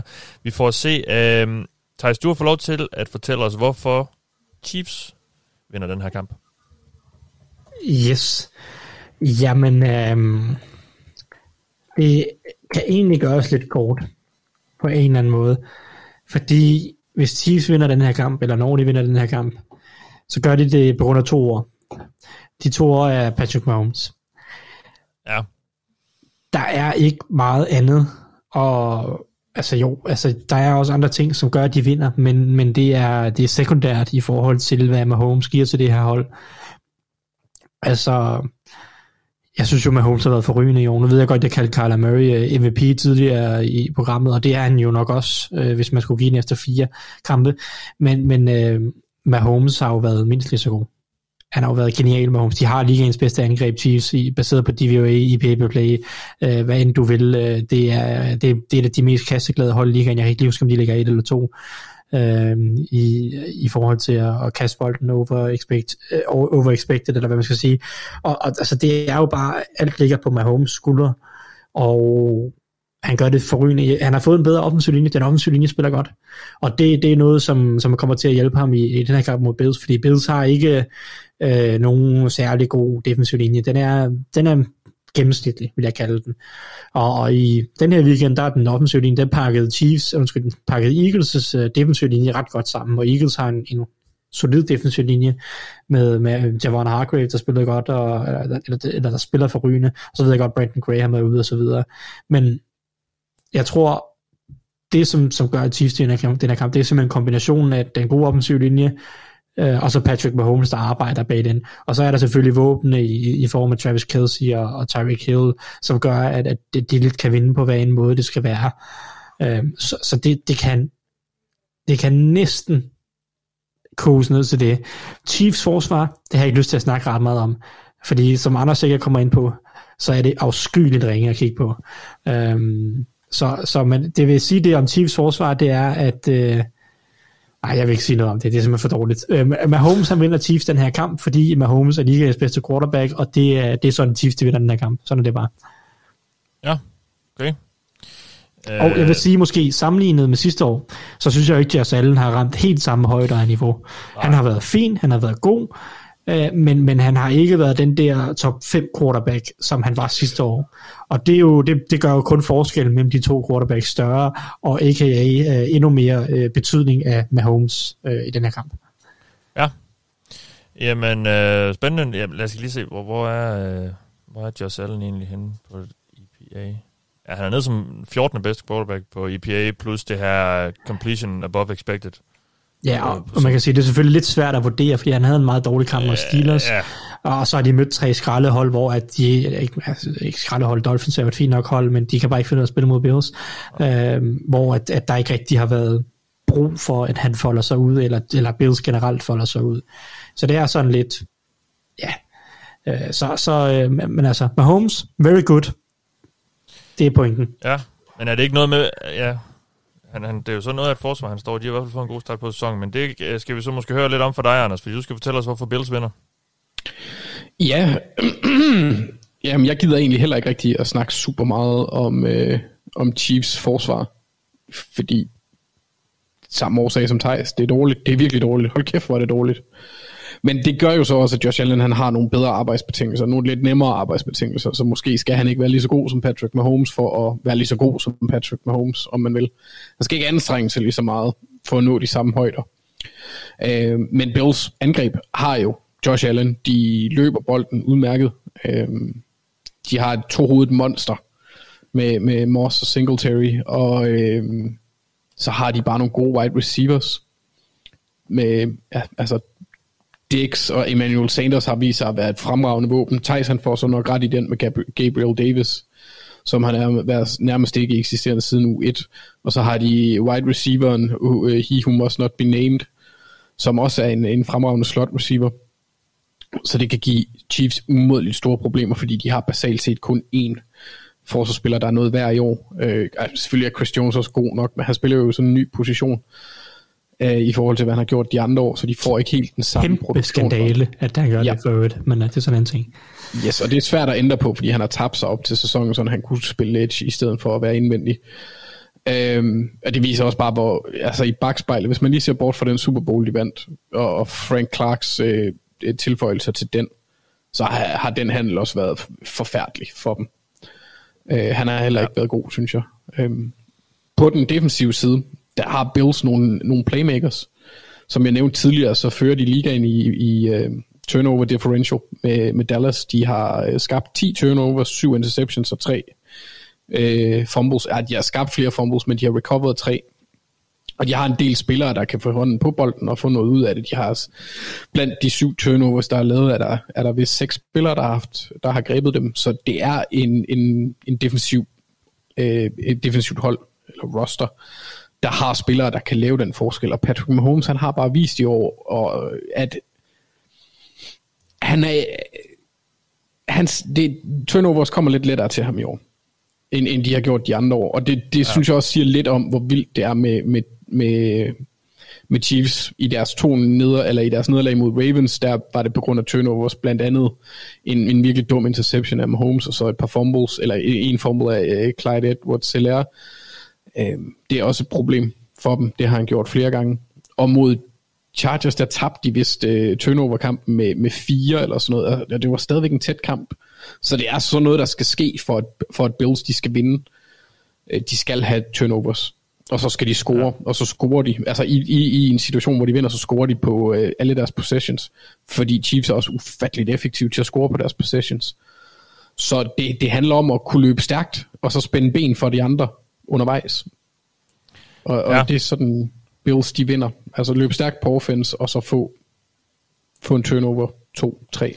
Jeg ved ikke, hvor mange der skal til, men de skal i hvert fald, de skal, de skal stjæle possessions. Jeg synes, det bliver rigtig spændende, det her, når, når Chiefs forsvar, eller Chiefs angreb på en mod, mod Bills forsvar. Det er, mm. Chiefs er, er ligaens øh, mest effektive angreb, øh, og, og Bills er ligaens med afstand mest effektive forsvar. Altså klart det bedste forsvar mål på både EPA per play og DVOA. De har effektivitetsstats, som vi rigtig godt kan lide at kigge på. Øhm, det, det, det tror jeg, det, det, i mine øjne er det der, hvor, hvor Buffalo virkelig kan hente noget. Øh, fordi øh, hvis man bare kan få sat lidt en prop i det her Chiefs-angreb, så, øh, så ser det jo noget mere overkommeligt ud for en, for en Bills-offensiv, der, der, selvom den ikke er på, på det niveau, vi så dem sidste år, de er, så stadigvæk, de er stadigvæk 10, øh, øh, rangeret som nummer 10 i EPA per play, så det er jo ikke et dårligt angreb øh, som sådan. Øh, men, men det er Men ikke det har helt op på. nødvendigt for dem. Nej, det er jo så det. Øhm, men øh, ja, de øh, Bills er, ser, ser skarpe ud. Men det er også det, der, det der, der også kan blive sjovt, hvis det så lykkes for Bills at, at få sig et forspring på en eller anden måde. Så har Ja. sidder du jo med Patrick Mahomes, har man jo aldrig nogensinde følelsen af, at de er ude af kampen. Nej, nej, havde, det været, havde, havde de været foran med 21 øh, gående ind i fjerde kvartal, det var med Lamar Jackson, eller en, en, nærmest en hvilken som helst anden quarterback end Patrick Mahomes, og Aaron Rodgers måske, så tænker man, det, det når de ikke. Men med ja. Mahomes, så tænker man, det når de ikke. Det kan de, det gør de. Ja. Så det, det bliver en fed kamp. Fra et øh, højt profileret øh, FC opgør til et andet. Browns mod Chargers skal vi snakke om nu her. Uh, Thijs, hvorfor vinder Browns? Yes, jamen øhm, Udover at de nu har fået en dansk offensiv linjemand. lige præcis. Hjalte, han går ind og smadrer dem alle sammen. Ja. Øhm, nej, øh, jeg, jeg tror Browns, øh, de kan vinde den her kamp, fordi de er den type hold, de er bygget på en måde, som Chargers ikke kan lide. Chargers mest af alt deres forsvar, er bygget lidt til at stoppe de her high-powered øh, kasteangreb, som de har i divisionen øh, Chiefs øh, selvfølgelig. Øh, men men øh, man kan også øh, snakke en lille smule om Raiders, hvis man vil det. Men, men ellers så, altså, mest af alt Chiefs som er home, de er jo bygget til at stoppe kast, og det er sådan, Brandon Staley, han bygger hele sin filosofi på forsvaret. Det er øh, få mand i boksen, mange mand til at stoppe øh, kastet, og så tager vi det der med at stoppe løbet, det tager vi så derfra. Ikke at de er dårlige til at stoppe løbet nødvendigvis, de er rimelig gennemsnitlige, men det er jo så det, de sådan, som siger, vi vil hellere fokusere på at stoppe kastet. Og der er Browns jo bare et hold, der siger, vi er da ligeglade. Vi løber bolden, fordi vi har ligegangs bedste offensiv linje, og vi smadrer jer bare. Og, og, og det, det kan godt give et problem for Chargers på en eller anden måde, tror jeg, fordi de ikke fysisk har øh, det gods, der måske skal til på den defensive linje og på linebacker-positionen til at håndtere så fysisk et løbeangreb, som, Char- som, som Browns kommer med. Jeg synes jo, at, at Chargers er ret svage på defensive tackle, øh, med Jerry Tillery og Linville Joseph og Christian Covington, som spiller de fleste af snapsene. Jeg synes, alle tre er ikke så gode, og de, de er ret dårlige mod løbet, i hvert fald især Tillery. Øh, så, så jeg synes jo lidt, at der er en svaghed der for simpelthen bare at stoppe løbet, som Browns kommer med. Browns kommer med det næstbedste løbeangreb i, i, øh, baseret på DVOA. Og, og, og det, så det kan godt være, at, Jedrick Wills er ude, men de har stadig fire frygende spillere i, i Betonio og JC Tretter og øh, Wyatt Teller og, og, og, øh, og hvad hedder Jack Conklin. Så, altså, så uanset hvem de nu sender ud på venstre tackle, øh, Browns, så har de bare en offensiv linje, der kan flytte folk. Og det er jeg ikke sikker på, at Chargers forsvar er bygget til at håndtere gennem en hel kamp. Øhm, så vil jeg også sige, at en anden ting omkring det her også lidt er, at øh, jeg synes jo, Chargers' forsvar er bygget lidt udefra ind, kan man sige. De er gode på edge, de er gode på cornerback, øh, øh, og, og til det safety, og så er de lidt svage på defensive tackle og linebacker. Øh, det er det hold, der tillader flere, flere, flere, flere flest yards mod Titans indtil videre, og Browns er et hold, der bruger Titans rigtig meget. De har tre stykker, som de bruger øh, på skift hele tiden i Austin Hoover, øh, David Njoku og Harrison Bryant. Øhm, så, så jeg tror, der er noget for, for, for Browns at hente der ved, ved kast hen over midten på, til de her tre øh, uh, Titans. Og nu skal jeg tænke mig om Jarvis Landry er selvfølgelig ikke med, så der er ikke, der er ikke noget at hente øh, for ham, så at sige. Øhm, men, men altså, så kan det være Kareem Hunt, der arbejder hen over midten, uh, Nick Chubb potentielt. For jeg synes, at der er, det er nogle steder, hvor man godt kan angribe det her Chargers hold i, i, i midten af banen. Uh, defensivt vil jeg også sige, at, at Browns har været ret gode faktisk indtil videre i år. Jeg mener, de er tredje bedste i DVOA. Det er så mest baseret på, at de har et rigtig godt løbeforsvar indtil videre. Uh, men jeg synes, at de er også øh, super gode til at få pres på quarterbacken. Uh, de ligger i top 10 i, i pressure percentage. Du kan ikke huske, om det faktisk også var top 5. Uh, og, og har været gode, selvfølgelig anført af Miles Garrett, men sådan set også uh, Jadavian Clowney, Malik Jackson, uh, Malik McDowell. Altså, der har været mange på den her defensive linje, som egentlig har, har har hjulpet til med at skabe pres på, og det var også noget af det, som Vikings havde problemer med i weekenden. Øh, de mener, at Browns havde over 30 pressures i den kamp. Og Chargers har et, et kæmpe ømt punkt på højre tackle, hvor at, at Storm Norton har været højre tackle indtil videre i sæsonen, og han har nok, nok været, været ligegens dårligt højre tackle, og, og det, det er bare problematisk mod, mod Clowney og, og Garrett og company. Så, så jeg vil sige, jeg synes jo, at Browns angreb er bygget til at angribe Chargers' svagheder øh, i, i form af løbeangreb og kast hen over midten. Og så har Browns bare nogle spillere på den defensive linje, der kan gøre ondt på, på Chargers. Det bliver selvfølgelig mega sjovt at se uh, Rashawn Slater, hvis han liner op mod, uh, mod Miles Garrett på et tidspunkt, fordi Slater har været forrygende i de første kampe. Det bliver spændende at se, om han også er opgaven voksen mod, mod Garrett. Um, men altså, ja. så jeg synes jo bare, jeg synes bare, at mest af alt, at Browns angreb er bygget på den helt rigtige måde til at gøre rigtig ondt på Brandon Staley og, og Chargers' forsvar. Um, så så det, det tror jeg egentlig er den største grund til, at, at Browns vinder den her kamp. Nu sidder vi her i år 4 med Baker Mayfield, og, og mange havde jo nok regnet med, at, at vi sådan i, i et segment som det her ville, ville fremhæve ham som en, der skulle vinde kampen for Browns. Det, det gør du jo ikke rigtig så meget her, Thijs. Øh, og hvor står Hvem, vi hvem generelt? siger du? Baker Mayfield. Øh, Fin- Findes han overhovedet? Jamen, det er jo så det. Altså, hvad, hvordan han...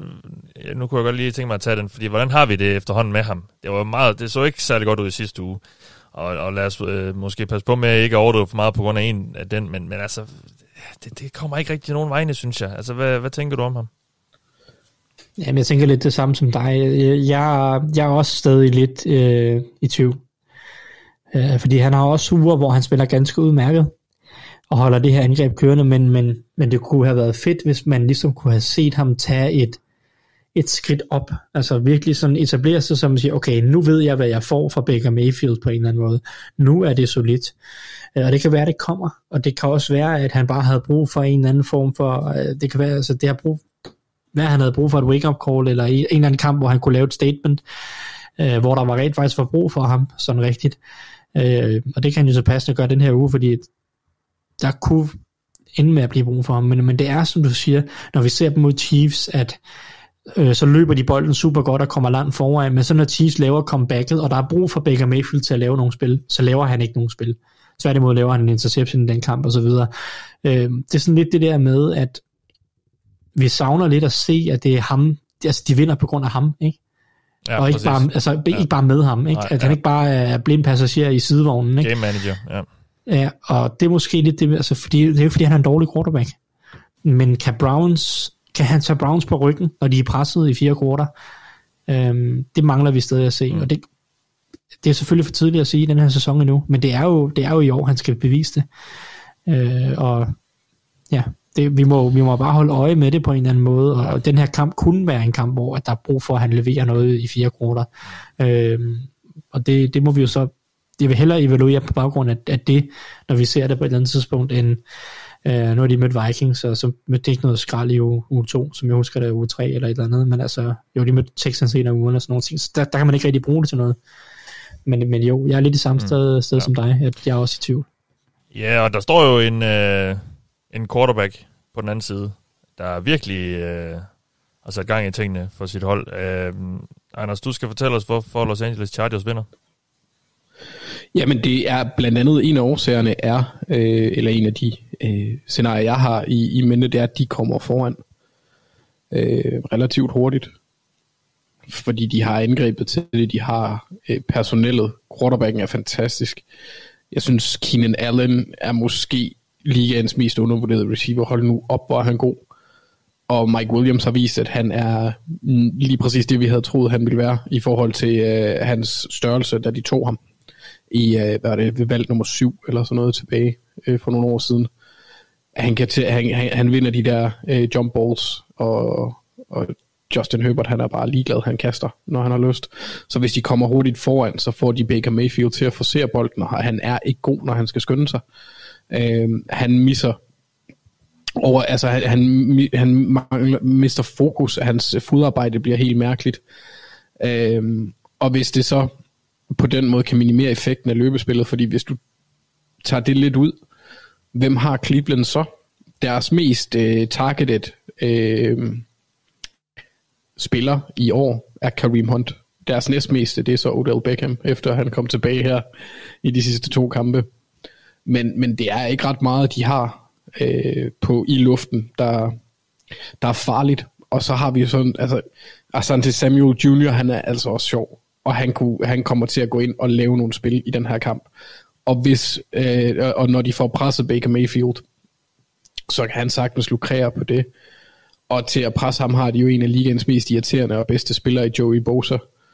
Så altså, jeg kan godt se måder, hvorpå det her forsvar får væsentligt øh, nemmere ved at frustrere modstanderens quarterback end omvendt.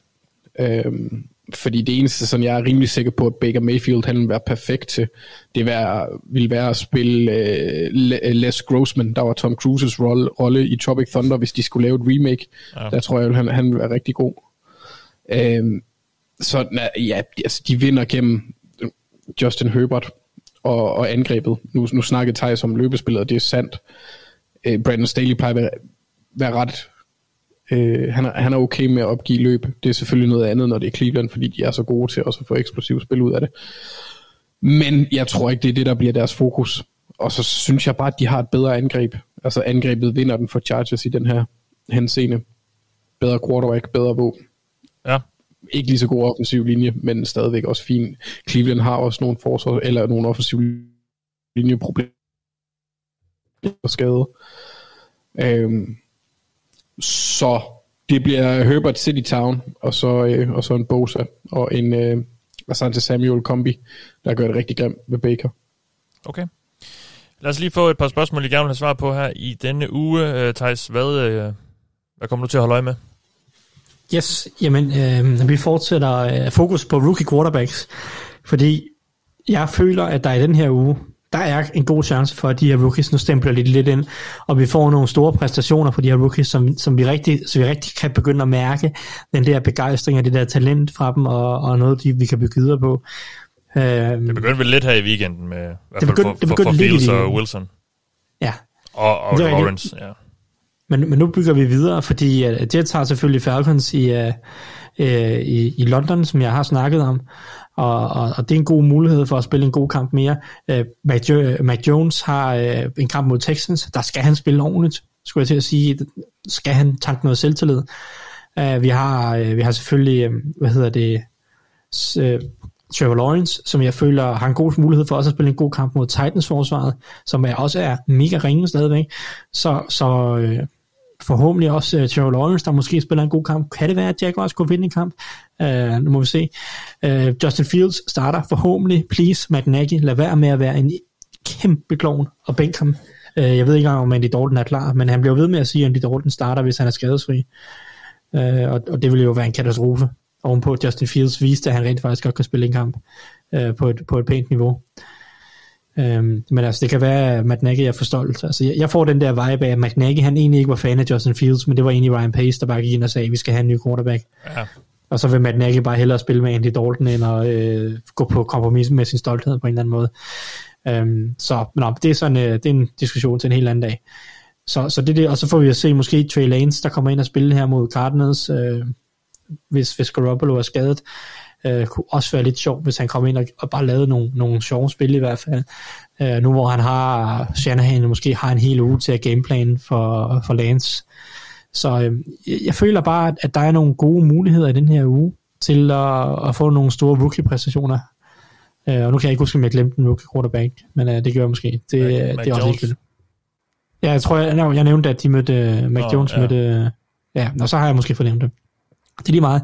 Jeg synes, der er nogle gode muligheder den her uge, og jeg kunne godt lide tendensen sidste uge, så, så den her uge, der får vi gennemmodet, øh, og, og nogle, nogle store præstationer, og et eller andet vanvittigt til sidst, hvor det er rookie quarterbacken øh, laver et stort spil med 10 sekunder igen. Du tror ikke på Davis Mills øh, breakout? Ah, ja, det var ham, jeg havde glemt, siger du. um, det, bliver, det bliver bare nej. Det, Yes. yes. Ja. det, det, det tror jeg, vi pakker sammen. Okay. Anders, et spørgsmål, du gerne vil svare på? Fremragende segway, Mathias, forresten. Øh, hvad er, hvad har Ben Roethlisberger og Davis Mills til fælles? Mm. De, har, de er begge to mere effektive, end, end uh, Ryan Tannehill har været i år i DVOA, hvilket er lidt skræmmende. Okay. Øhm, så, ja. Så, så mit spørgsmål det er, øh, i hvor store er problemer er Titans? Ah, tydeligvis ikke. Det kommer an på, hvem det du... synes jeg heller ikke. Det der med effektivitet, undskyld, det, det kommer altså an på, hvem du spørger. Fordi ja, hvis du spørger ham Ben Baldwin, så, så er Tannehill i hvert fald mere effektiv end, end, dem, begge, end, end dem begge to. Hvad, hvad ligger Tannehill i EPA, siger du? Uh, det her EPA plus co- completion procent over expected, der, li- der ligger Tannehill 23, og Roethlisberger ligger 27, og Mills ligger 30. Okay. Ja. Mm. Mm. Kigger du ikke måske, DVOA er det ikke forholdet, eller hvad, Anders? Øh, jeg, jeg kigger på øh, Football Outsiders, øh, hvad hedder det, quarterbacks, Nå, okay. DVO, Okay. de, de, de, ja, ja, ja, den hedder, den hedder sådan noget. Ja, ja, der Okay. ligger han 27, og Roethlisberger er 23, og ah, han er ikke dårligere end Davis Mills, der løg jeg. Ja. Der løg jeg. Men, øh, men, men det, noget med det, jeg synes, det har været, ja, det, jeg synes, det har været skidt i år. Øh, meget, meget øv fodbold fra Titans side. De har selvfølgelig været ramt af skader. Øh, deres offensive linje har ikke spillet særlig godt, selvom øh, Taylor Luan han har været med. Øh, Roger Saffold er der også stadigvæk. Altså det, jeg synes bare ikke, det er et hold, der virker som om, at de er en sink. Øh, den nye offensive koordinator har ikke helt fået det til at fungere. Øh, det er lykkedes flere hold at holde styr på Derrick Henry. Det er også lykkedes nogen ikke at gøre det. Men, men det er stadigvæk en mulighed, for hvis du stopper Henry, så virker det til, at de er låst lige for tiden.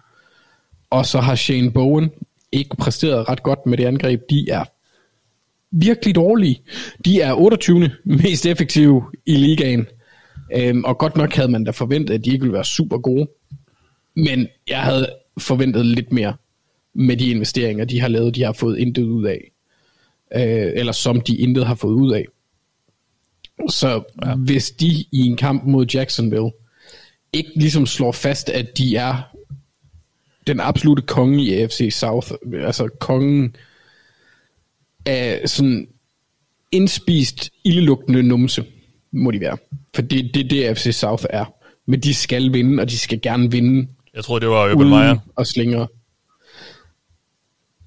Han har hånden udenpå, der står og ærer den. Han må ikke helt komme ind. Okay. Øhm, ja, okay. Ja. ja.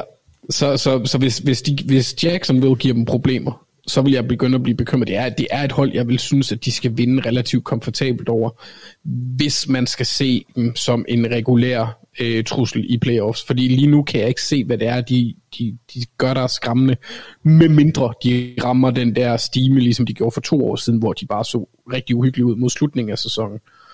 Øh, hvor Derrick Henry øjensynligt gør lidt mere ondt, end han normalt gør, hvilket er lidt underligt, fordi jeg tror, han gør meget ondt generelt.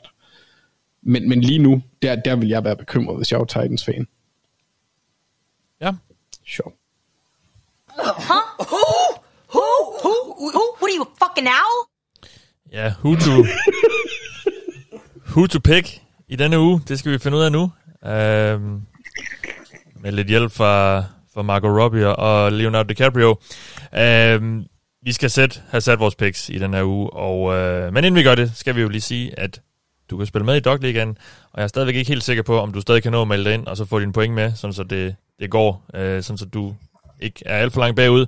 Fordi det er jo sådan, at dem, der slutter i top 3 i Dogligaen, når sæsonen om, de får sig en af vores kopper. Så der er jo lidt at spille om der, og øh, lige nu, ja, Thijs, du må have en navnebror derude et eller andet sted, eller en dobbeltgænger, fordi der er en Thijs Juranger, der ligger øverst, og jeg, jeg kan næsten ikke tro, det kan være dig. Men det er det jo nok, måske. Altså, jeg kan i hvert fald godt logge ind på den profil, der ligger øverst. Ja. Okay. Øh, du får altså ikke en kop, hvis du ender i top 3. Du har sikkert allerede fået en, eller så har du i hvert fald til den tid. Øh, Mester Rose ligger nummer 2, og Anders Salomonsen øh, holder fast i sin placering i top 3, øh, som han også havde i sidste uge, så øh, det er altså sådan, top 3 ser ud lige nu. Øh, men vi skal også lige hylde den bedste i sidste uge, og det var Nikolaj Kreiberg. Han øh, ramte 13 ud af 16 kampe for 459 point, og det var noget bedre end os, fordi vi ramte kun 9 kampe. Det er altså 56 procent, så vi er nede på 62,5 procent nu for sæsonen, de her. Og øh, så er det jo så godt, måske, at vi har fået dig med, Thijs, fordi det går jo meget ret godt for dig. Så øh, lad os se, om vi ikke kan gøre det lidt bedre. Uh, vi starter med Thursday Night, som uh, for en gang skyld ser... Uh, ah, det skal jeg jo selvfølgelig ikke sige nu, efter nu, hvor der har været Bengals. Men uh, et, et lidt mere... Uh, uh, sexet matchup her. Seattle Seahawks mod Los Angeles Rams. Thijs, hvem vinder den kamp? Det ved jeg ikke. Nå. Så kan jeg jo ikke bruge dig til noget. Jeg troede, du var så god til det her. siges, det skal lige siges, at jeg sidste uge ramte 10 kampe. Jeg tror bare, jeg var lidt bedre til at placere dem end gennemsnittet. Nå. Jeg vil også Øhm. tre, tre af de kampe, vi missede, de- de lå os aller nederst, så det kostede os ikke så mange point der. Men, uh, Nå, okay. Nej, øhm, Seahawks mod Rams, jamen jeg er, jeg er super meget i tvivl. Men det er fordi, jeg altid er i tvivl med Seahawks, fordi det er et, et modbydeligt hold at skulle gætte på, Ja. ja. øh, hvordan de gør det. det er to af de hold, Men, vi også har øhm, sværest ved at, at ramme rigtigt på. Har vi svært ved Rams? Ja, dem har, dem har vi faktisk rigtig svært ved. Uh, det er... Uh, siden starten af sidste sæson er det, det hold, vi er næst dårligst på. Okay. Jamen, øh, der kan man bare se. Sidste år, sidste år var det også et mærkeligt, øh, mærkeligt hold. Ja, ja. Men øhm, det, jeg, jeg antager det lidt bedre i år. Men, men Seahawks mod Rams, jeg går med Rams, fordi jeg tror, at de, øhm, de var bare de var mærkeligt uskarpe på angrebet i weekenden. Øh, selvfølgelig kredit til Cardinals og så videre, men det var det så bare, Stafford var uskarp, og Cooper Cup tabte bolden, og jeg ved ikke hvad. Ja. Øhm, så, så jeg tror, de lige, de lige strammer skruen igen her, og så saver de det her halvdårlige Seahawks forsvar over. Så jeg siger Rams. Du siger Rams, Anders? Jeg siger også øh, Rams. Er der ikke også et eller andet med, at McVay han har slået Carroll ret ofte? Det, det, der er en eller anden rundkørsel i øh, NFC West, hvor de bare skiftes til at slå hinanden. Ja. Jamen, hvor at øh... Kyle Shanahan, han har en eller andens nummer, og så har McVay den andens nummer, og så har den Pete Carroll den tredje nummer, og så har Cliff, han har ingen nummer før i år. Jeg skulle nu har han jo uh, McVays Ja, efter sidste uge. han, han, han har lige fået det. Ja. Det kan være, at han også varmede hånden, og det var på den måde, han fik den. Ja, vi, øh, vi går med Rams. Så er det London-kampen. Falcons Jets. Thijs? Jeg, jeg går med Falcons, tror jeg. Jeg havde, jeg havde, jeg havde lidt lyst til at tage Jets, øh, efter, altså, inden jeg satte mig til at se Jets-kampen. Jeg øh, tænkte, oh, nu, vandt, nu vandt Jets i weekenden. Kan jeg vide, om de kan vinde også på, på søndag mod Falcons? Og så sad jeg og så kampen, og så tænkte jeg, de er stadig ret dårlige. De burde have tabt til Titans. Ja. Så jeg går med Falcons. Ja. Anders? Så, så, så jeg, jeg går med Jets. Okay. Øh, så, du, så du ikke øh, Falcons kampen, Thijs også? Jo, jo, den har jeg set, men, men, men jeg synes Okay. bare, at, at jeg tror bare lidt mere på deres angreb, end Jets' angreb. Ja, så er jeg jo Jeg tror egentlig her. godt, at... Ja, og jeg, jeg, jeg vil bare lige sige, jeg tror egentlig, at Jets forsvar har, kan egentlig gøre en, en fin figur mod Falcons, i hvert fald på den defensive linje. Ja, men altså, jeg synes, at Jets forsvar egentlig gør det ret hederligt, taget betragtning af mm. deres spillere, skulle jeg til at sige. Så, så Ja, jo, det er jo fair. Ja. Ja. De, Ma- Mathias, de har både Quincy og Quinnen Williams. Ja. Ved du jeg, jeg går... uh, Jeg, jeg går sgu med Jets. Jeg, jeg hopper på Zach Wilson, hypevognen, øh, og så sætter vi den aller nederst. Vi, vi, vi prøver Jets. Øh, nu, har, nu, har, nu, det, nu er Robert Saleh og i gang, og nu, nu rider de på en bølge, tænker jeg. Så øh, jeg tror, det giver dem et, noget, noget boost, den der sejr sidste uge. Så vi går med Jets, øh, Vikings, Lions, Thijs. Jamen, Hvis ikke Vikings de vinder den her kamp, så er det vist tid til at smide Simmer og Cousins ud med badevandet. Ja. Så jeg siger Vikings. Ja, Anders. Sig min lyd. Nej. Ja, okay. Mm. Vi valgte jo Lions i sidste uge. Det, øh, jeg tror endda, jeg sagde, at jeg var jeg lidt, af. jeg ville have gået med Bears. Men uh, I to andre var jo var meget bestemte der. Nå, Washington, New Orleans, Saints, uh, Thijs. Jeg, øh, ja, det er jo to Vi skal passe på med som- Saints, dem er vi dårlige til. Ja, og derfor der vælger jeg Saints nu, Uh. øh, tror jeg. Men det, det, det er to hold, der er svære, fordi de er lidt ustabile på angrebet begge to. Ja, Det gør, bare, det gør det bare svært at, at regne med noget som helst. Men jeg synes, at Washingtons forsvar har været lidt skuffende, så jeg går med, mm. med Saints. ja, Anders. Ja, det er jeg egentlig også tilbøjelig til, men øh, det er bare ikke lige så sjovt. Og så tror jeg på Baby Fitz og Ch- Scary Terry. Så jeg tager Washington. Ja. Det tror jeg også, jeg gør. Det gør jeg. Åh, oh, altså Mathias, i Nu er de gået gange, nu- hvor der har været... Ja, nu har jeg gået mod Thijs to gange. Det er Ja. farligt. Det er meget Især nu, farligt. hvor han jo tydeligvis er ret god, og vi tydeligvis ikke var særlig gode i sidste uge. Oh, men må ikke, altså, Jo, jeg, skal men jo, vi- altså, jeg ender jo ikke som nummer et. Det er jo Min, øh, øh, alt for stor en klovn til jo. Der er altså også... Øh, jeg har en eller anden... Jeg, jeg tror Washington, så dem går vi med. Øh, Ja. Houston Texans mod New, uh, New England Patriots. Thijs? Ja, men øh, det er jo, øh, skulle lige til at kalde den The Battle of the Alte Forhold, men den får vi så ikke. Ja, nej, nej. Øhm, så øh, det bliver, men Patriots vinder. Ja. Anders? Ja, det gør de. Ja. Øh, hvis Tyro Taylor havde, havde spillet, så havde det måske været en, tæt kamp, øh, en tættere kamp i hvert fald. Ja. Det tror jeg ikke med Davis Mills. Nej. Går med Patriots. Buccaneers mod Dolphins. Thijs? Mm, jeg går med Buccaneers. Det er bare Er du Dolphins angreb. Nej, det er jeg. Ja, de, okay. Øh, det er jeg ikke. Men jeg skulle bare lige til at læse, for jeg sad og kiggede på, jeg synes, at Byron Jones var meldt ude af kampen, sad jeg lige og kiggede på Twitter et eller andet øh, med Byron Jones, men øh, så det er jo bare endnu mere håbløst. Altså, så. Ja, okay. Anders? Box. Bucks. Bengals Packers. Thijs? Vi skal passe det- på med Bengals, dem er vi ret dårlige til. Ja, men det er en sneaky god kamp, fordi Bengals forsvar har været rimelig solidt. Ja. Øh, og altså Packers' forsvar, jeg var ikke super overbevist mod Steelers. Jeg synes, der var nogle muligheder, hvis Big Ben han bare kunne ramme bare en lille smule. Det kunne han så ikke, så det blev aldrig rigtig tæt. Men øh, jeg, jeg går med Packers. Det må være logikken her. Øh, det, så, så ja. Ja. Men der er masser af opsat potentiale her. Ja. Det er der faktisk meget af i den her weekend. Anders? Ja, jeg synes også, det er for tidligt at sige Burrow over, over Rodgers. Måske næste år, men i år, der bliver det Packers. Godt. Uh, Steelers, den, Steelers mod Denver Broncos. Thijs? Øh, jeg har lyst til at sige, at det afhænger af, om Teddy han bliver klar. Åh, oh, det er der selvfølgelig lidt Øhm. tvivl om, ja. Ja, jamen det kan vi godt. Altså, Men, øh, men, men ja, altså, hvis Drew Lock han starter, så siger jeg Steelers. ja. Hvis Teddy Bridgewater starter, så, så siger jeg Broncos. Uafgjort. Øh, Okay. 0-0. Ja. Okay. Øh, lad, lad mig sige Broncos. Det siger logikken. Øh, ja. men, men der er masser af opsat potentiale her, fordi det er to hold, der er bygget lidt på den samme måde, skulle jeg til at sige. Bortset fra Broncos bare lidt bedre på forsvaret. Så, du- så du går med Broncos? Yes. Okay, Anders? på den offensive linje. Jeg går, jeg går også med Broncos. Jeg er egentlig i ja. samme tanker som Thijs øh, i forhold til, at jeg vil være meget mere sikker i min sag, hvis det var Teddy, han startede. Vi ser lige uh, søndag, så har vi, vi har lige et wildcard på den der. Um, Panthers Eagles. Thijs? Hvem vinder? En panther eller en, en ørn? Ja, men jeg... Igen, masser af opsat potentiale her, synes jeg. Men, men Eagles, de virker til at nægte at vil løbe bolden, selvom de burde. Og det håber, men det håber jeg, de gør mod Panthers, fordi det gjorde Cowboys i hvert fald meget godt. Men, men, men øhm, jeg tror bare, at det her forsvar, det får Jalen Hurts til at blive øh, Alex Smith, så jeg, jeg, jeg går med Panthers. Ja. Anders? Jeg går også med Panthers. Fordi det der angreb, det får Sam Darnold til at blive Cam Newton. Ja.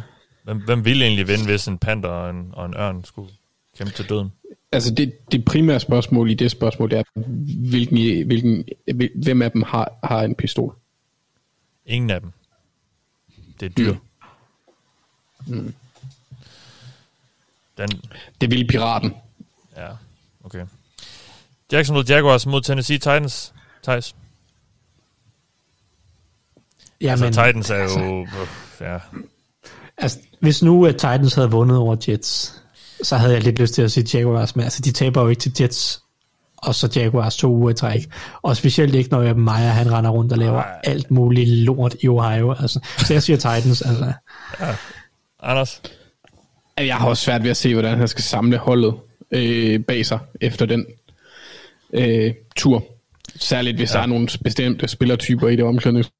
Jeg hørte en podcast med Mitchell Schwartz, hvor han udtalte, at det, han ville miste al respekt for ham, hvis han ikke gjorde det efter et nederlag, hvis han ikke tog med dem hjem.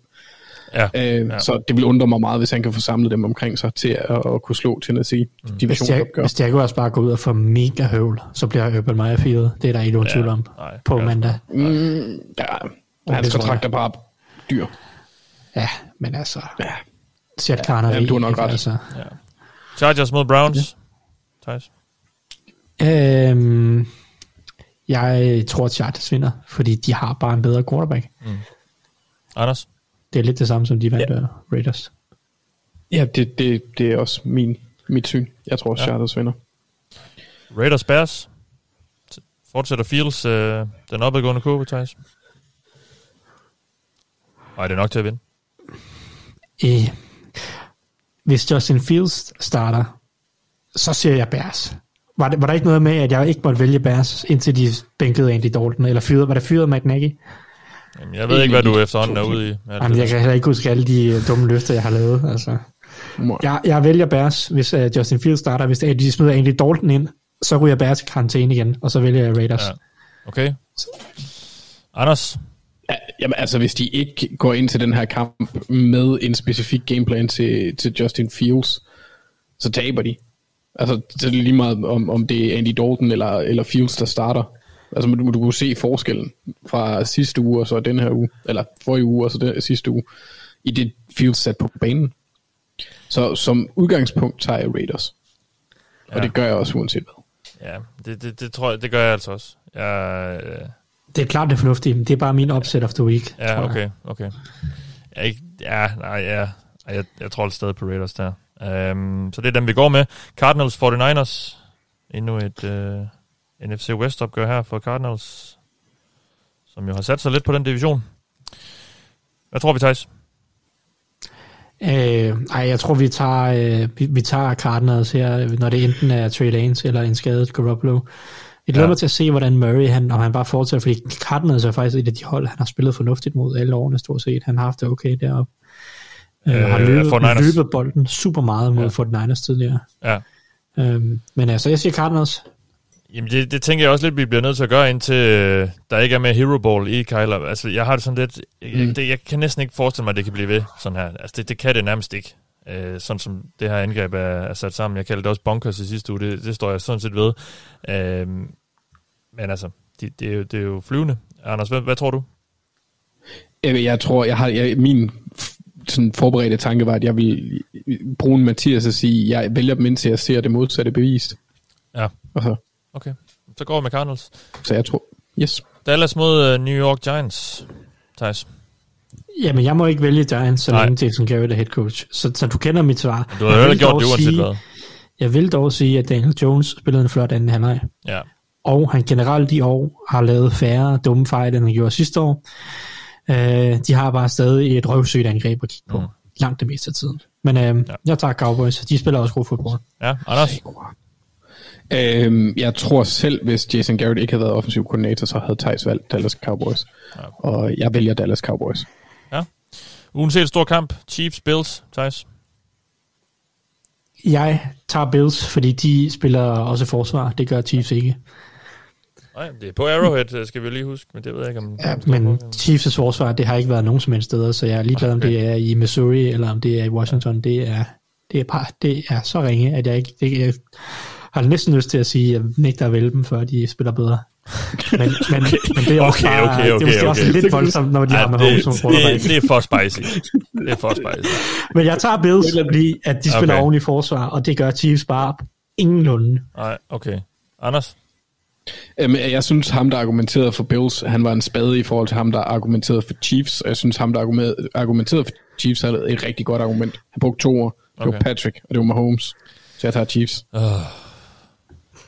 Værsgo, Mathias. Ja, det er en lortegave, I gav mig der. Um, mm. logikken, mit, logikken siger Buffalo, men øh, alt andet siger...